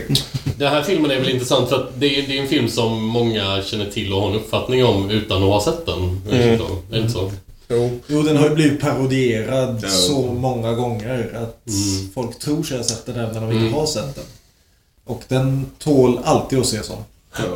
Ja, hörni. Mycket roligare än alla parodier. Väl listat känner jag. Jag känner någon som är asmissnöjd. Är det någon som bara känner vad fan har vi gjort för något? Jag är väldigt nöjd med den. Jag är otroligt nöjd. Ja. Alltså min, min, om jag säger min eh, stora invändning med den här listan, Ja. eh, förutom att ja, vissa är på lite fel plats, Ja, att, eh, En lektion i kärlek inte är med någonstans. Va? Jag Du har en passion för en, Jag, en passion i eh, jag kärlek? är otroligt förtjust i En lektion i kärlek. Hur, hur, hur känner Aron för avsaknaden av musik i mörker? I det här sällskapet så, så kan jag leva med avsaknaden av musik i mörker. En film jag verkligen saknar är ju Sommaren med Monica. Ja. Nej, gud vad skönt att vi slapp den. Gillar du den inte alls eller? Sommaren med Monica är ju långt ifrån... Det, det är ju ett lärlingsverk fortfarande. Det är det ju. Och jag tycker ju faktiskt att eftersom jag tog med den och inte tog med Sommaren med Monica så tycker jag bevisligen att Sommarlek är den starkaste filmen i den där lilla lösa tri- skärgårdstrilogin. Mm, mm. Eh, Men jag tycker ändå att Sommaren med Monica har en energi som tar den väldigt, väldigt långt. Och det är en av de första filmerna där Bergman... Sommarlek kom ju före den. Men den, den bygger liksom vidare på det. det. Det finns en sån självsäkerhet i Sommaren med Monica som jag gillar väldigt mycket. Plus att Harriet Andersson gör... Okej, det är inte en filmdebut riktigt. Men ingen har sett idag hennes tidigare filmer. Där hon spelade typ andra flickan från vänster. Och en skrikande flicka i Halmstad stod det på rollistan och vi kunde inte lokalisera Ja, och hon gjorde någon väldigt tidig svensk science fiction-film också, typ 1951. Eh, men eh, hur som helst, det är ju en sån självklar övergång från att vara kabarébensprattlare till att vara världsskådis på bara 90 minuter. Jag kan sakna Sommaren med Monica även om jag kan leva utan den.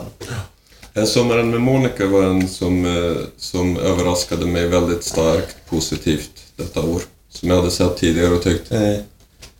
Men eh, ja, den borde ju varit någonstans där på listan, kan jag tycka. Men Sen var jag lite frestad att slänga in Ormens ägg. Därför att jag tycker att den håller mycket bättre än ryktet säger att den borde göra. ja, den är kanske Det är inte en dålig film längre. Mm. För min del ska jag säga så de två jag gärna hade fått plats med någonstans, även nu, om nu när jag tittar på listan vet jag inte riktigt var. Särskilt inte om vi ska hålla den här representationen av alla perioderna. Eh, men båda ansiktefilmerna tycker jag väldigt mycket om. Både Ansiktet och Ansikte mot ansikte tycker jag är bra filmer. Framförallt att tänka på det där tredje avsnittet av Ansikte mot ansikte för oss som såg TV-klippningen.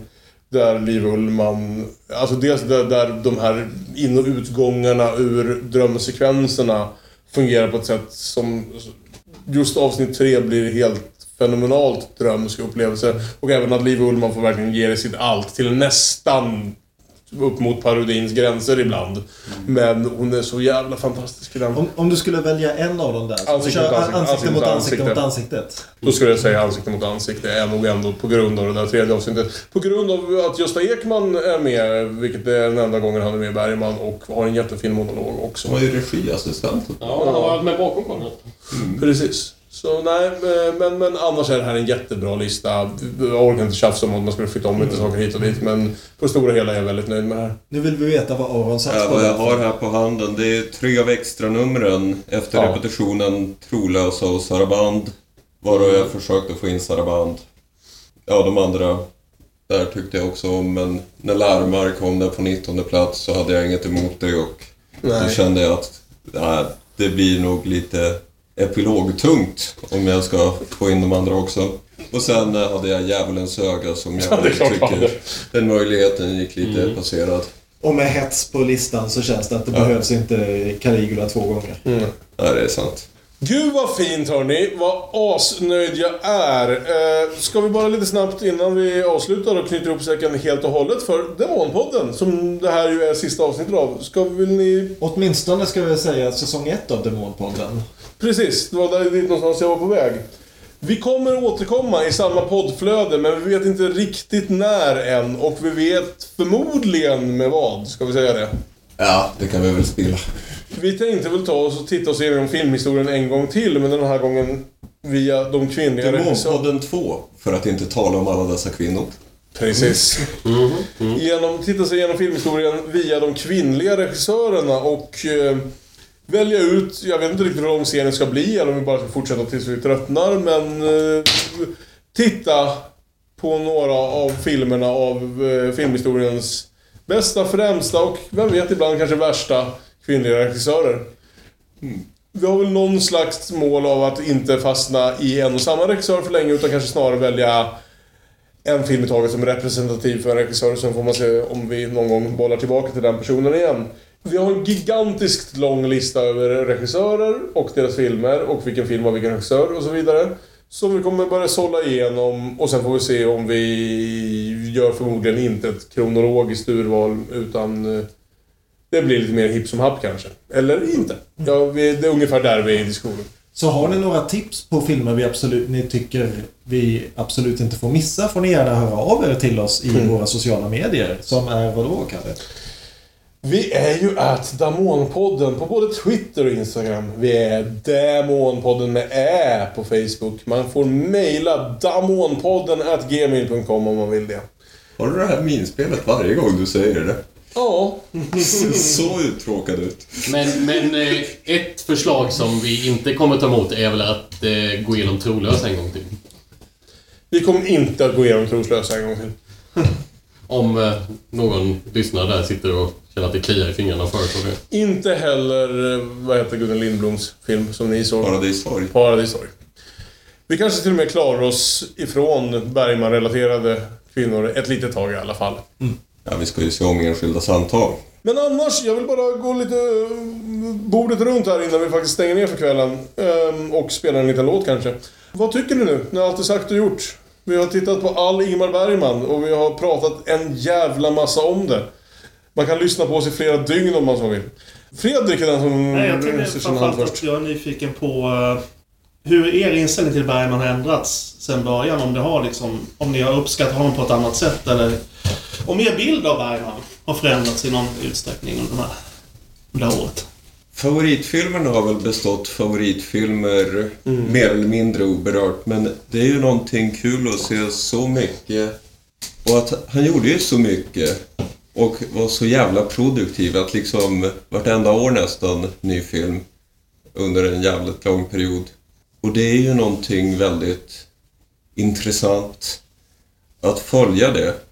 Hur han går temana och jobbar igenom dem gång på gång. Ja, just hur eh, passionerat det kändes ändå. Han eh, var tvungen att få ur sig det här gång på gång. Brann liksom för det. Mer eller mindre lyckade resultat. Har det varit kul att följa den liksom ilska som finns i grunden av hans konstnärskap. Hur han mer eller mindre lyckat, lyckas kanalisera det till konst. Mm. Ganska ofta jävligt lyckat. Alltså, han, var, han var ju en av mina favoritregissörer när vi gick in i det här, även om jag inte hade tittat på honom på ett tag. Och han fortsätter vara en av mina favoritregissörer. Det som kanske gör mig lite glad är att jag i alla fall, kanske inte på det privata planet, utan mer det han gjorde konst om, finner honom lite mer feministiskt försvarbar. För någonstans hade jag kanske via artiklar och åsikter börjat ha lite tankar på honom som en typisk gubbregissör som inte alltid hade den... Och det finns fortfarande filmer som är feministiskt problematiska, ska vi väl säga. Det är en bra period där när vi pratar om honom, att alla hans kvinnor är antingen mödrar eller döttrar eller älskarinnor. Men det finns också mycket som är jävligt mycket mer djuplodande och bra på de punkterna än vad man kanske skulle kunna tänka sig att det är. Och eh, känner mig nog faktiskt lite mer positivt inställd till honom, konstigt nog. Efter de här genomgångarna. Det är, inte, det är absolut en viss förvirring ibland, men det är inte någon slags liksom påtagligt kvinnoförakt på det sätt som man kan se från en del andra samtida regissörer. Eli Roth. Eli Roth, den samtida regissören för Ingmar Bergman. Um, Knock knock. Nutidens sjunde inseglet. Mm. Ja. Inte alla digerdödrar. Ja, nej men jag har väl kommit igenom det här med dels så tycker jag liksom att Bergman-gestalten har krympt en hel del. Blivit mer mänsklig. Det, är liksom, det finns ju en tendens när man ser på Bergman som filmare att han är, speciellt i liksom svensk sammanhang, att han är så löjligt stor fisk i en väldigt liten damm. Och på så vis gillar jag att vi har varit tvungna att titta igenom en del riktigt usla Bergman-filmer Mhm. också.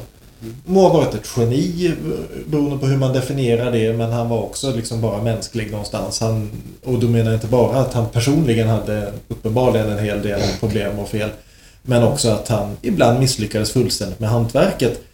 Men å andra sidan också en ny uppskattning för just själva hantverket. Därför att i den här genikulten ligger ju lite grann det här att han går in i ett mörkt rum och så kommer han in, ut med en perfekt produkt. Och det som jag slås av när jag ser liksom alla de här filmerna i följd, det är liksom hur Bergman hela tiden förfinar både sina idéer men också sitt arbete som regissör. Mm. Att han fortsätter hela vägen fram till Saraband att förfina hur han regisserar saker och ting. Hur han visar upp saker och ting. Hur han plockar in influenser från både höga och låga. Från både liksom matinerysare och deckare och eh, westernfilmer och från andra liksom eh, stora regissörer. Och, he- och även från teatern och hela tiden jobbar med att vidareutveckla språket han arbetar på. Att Ingmar Bergman är dödlig men en jävligt duktig människa på det han gör. Kort varv runt bordet bara för att nu har vi pratat så mycket om de här bästa, mest fantastiska jävla Bergman-filmerna. Alla, inklusive Olof och eh, Fredrik om ni har några åsikter. Sämsta Ingmar Bergman-filmen. Björn? Ja, det måste ju stå mellan... Får man välja sånt händer inte här eller pratar vi om... Sånt händer inte här är förmodligen den sämsta Bergman-filmen. Vi, vi räknar inte ens den. Ja. Nej, men av de vi har pratat om eh, i ett eget avsnitt så måste jag nog säga att det hänger mellan eh, alla dessa kvinnor och eh, Musik i mörker. Alla dessa kvinnor och Musik i mörker. Ja. Kris är väl också där nere och slåss. ja, beröringen. Beröringen tror jag är den sämsta. Jag var och jag satt och hängde på eftersom ingen annan sa det. Om vi hade, jag tror att vi fucking dodged a bullet, att vi var lite druckna och såg den tillsammans. För jag kan fan knappt tänka mig att behöva genomlida beröringen nykter själv hemma på soffan. Alltså det... Beröringen var smått outhärdlig på, på sätt och vis. Men, men alltså ändå lite kul att se i, i det gänget som Det är det jag menar. Hade jag behövt göra det liksom, som de flesta filmerna själv hemma på en onsdagkväll. Vet inte fan om jag hade orkat med beröringen. En film som jag kanske hade trott mer om innan jag såg den. Men, men alltså jag hade väl trott att det skulle vara en lite lättsam komedi men ändå väldigt mycket bättre än, än, än vad den var. ju För att inte tala om alla dessa kvinnor som sagt. Jag, jag, alltså den, den var... Den, den överraskade mig nog ändå med hur tråkig den var. För den, det, det är verkligen en komedi som inte lyckas sätta några poänger. Ja, du har, du har alla Nedvall. Eh, Ja, du har, kanske. Det, det, det, Har jag det finns verkligen ett par scener där den funkar men det är väldigt få. Jag har inte sett så många av de här och jag har lyckats undvika de, de allra sämsta.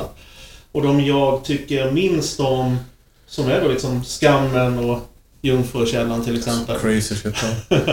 Eller vad heter? Ormens ägg? Ja, Ormens ägg. Mm, har jag sett någon gång också. Som, som jag inte tycker värst mycket om. Men de är ju fortfarande, som jag var inne på tidigare, intressanta. De är ju inga usla filmer. Så, eh, nej. Det är väl så det är. Det är så det är. Tack! Ett enormt tack till dig, Kalle, som Ja. hade idén. Ja. Tack till Björn. Tack till våra gäster här, personliga eh, förkroppsligade av Olof och Fredrik. Ja. Som har varit med oss under året. Men naturligtvis även alla andra gäster Ja. som har... Tack till Aron som har gjort ändå... Alltså vi har alla delat upp redigeringsarbetet men Aron har fått en lite större bit av kakan. Han har dessutom som ni vet skrivit och spelat in en enorm massa musik. Jag och Björn har hjälpt till lite på några hörn ibland men det har i mångt och mycket varit Arons verk. Men vi tänkte väl nu när det är sista avsnittet ska inte Aron behöva bära den stenen helt ensam. Nej. Utan vi ska sammanfatta Bergmans samlade produktion tänkte vi. På det enda vettiga sätt som går att sammanfatta någonting som sträcker sig över så lång tidsperiod. Och eh, vi får se hur det går helt enkelt. Men eh, ni kommer att få höra oss... Några minuter till. Ja. Tack för att ni har lyssnat det här året. Ha det så bra. Demonpodden kommer återvända någon gång i någon form med några filmer. Då! Hej då! Hej då! Hej då!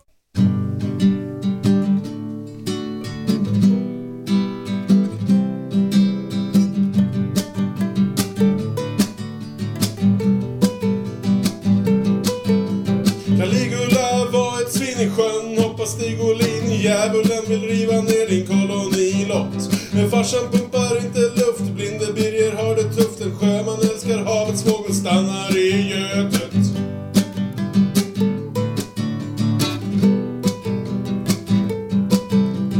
Djävulen regerar här, tyskaren och zombier, Freuder, Schöner, Götter, Funken, mamma är död. Disney Stars spioner, Svansjön och passioner, Gunnar fast i liften, Monica på viften. Vi såg på Ingmar Bergman, mycket Gud och döden ut i våra flöden. Vi såg på Ingmar Bergman, många fler demoner än explosioner. Harriet och dvärgköpen till Liseberg Sommarnattens leende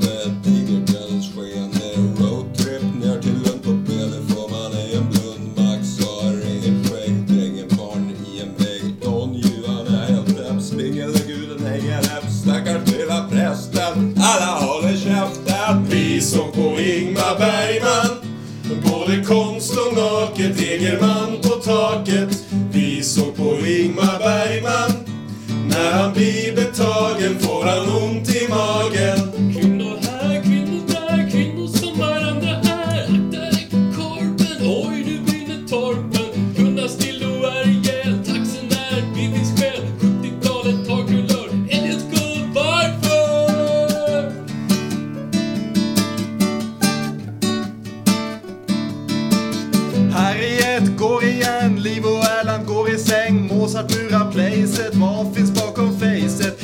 Kabaré och nazism och Chopin ekvilibrism Fåröboro en german? Död din jävel biskopsfar! Repet hänger far är kär, far är gammal grekers Mamma pratar med en präst, mormor Kalle i nordväst. Selmas bok är på display och gamle Bergman ångrar sig. Liv och Erland än en gång och sedan slutar vi vår sång. Vi såg på Ingmar Bergman Nyqvist och Fischer och teaterpastischer Vi såg på Ingmar Bergman nu ska vi sluta strax. Party to the max, the max, the max, the max, the max, the max, the max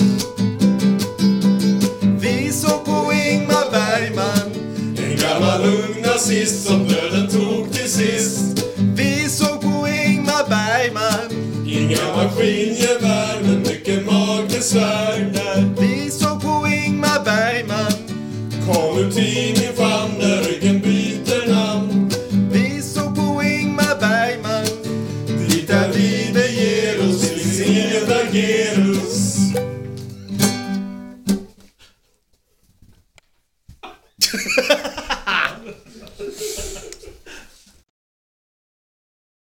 Ja, hon har ju stora, runda, mjuka bröst.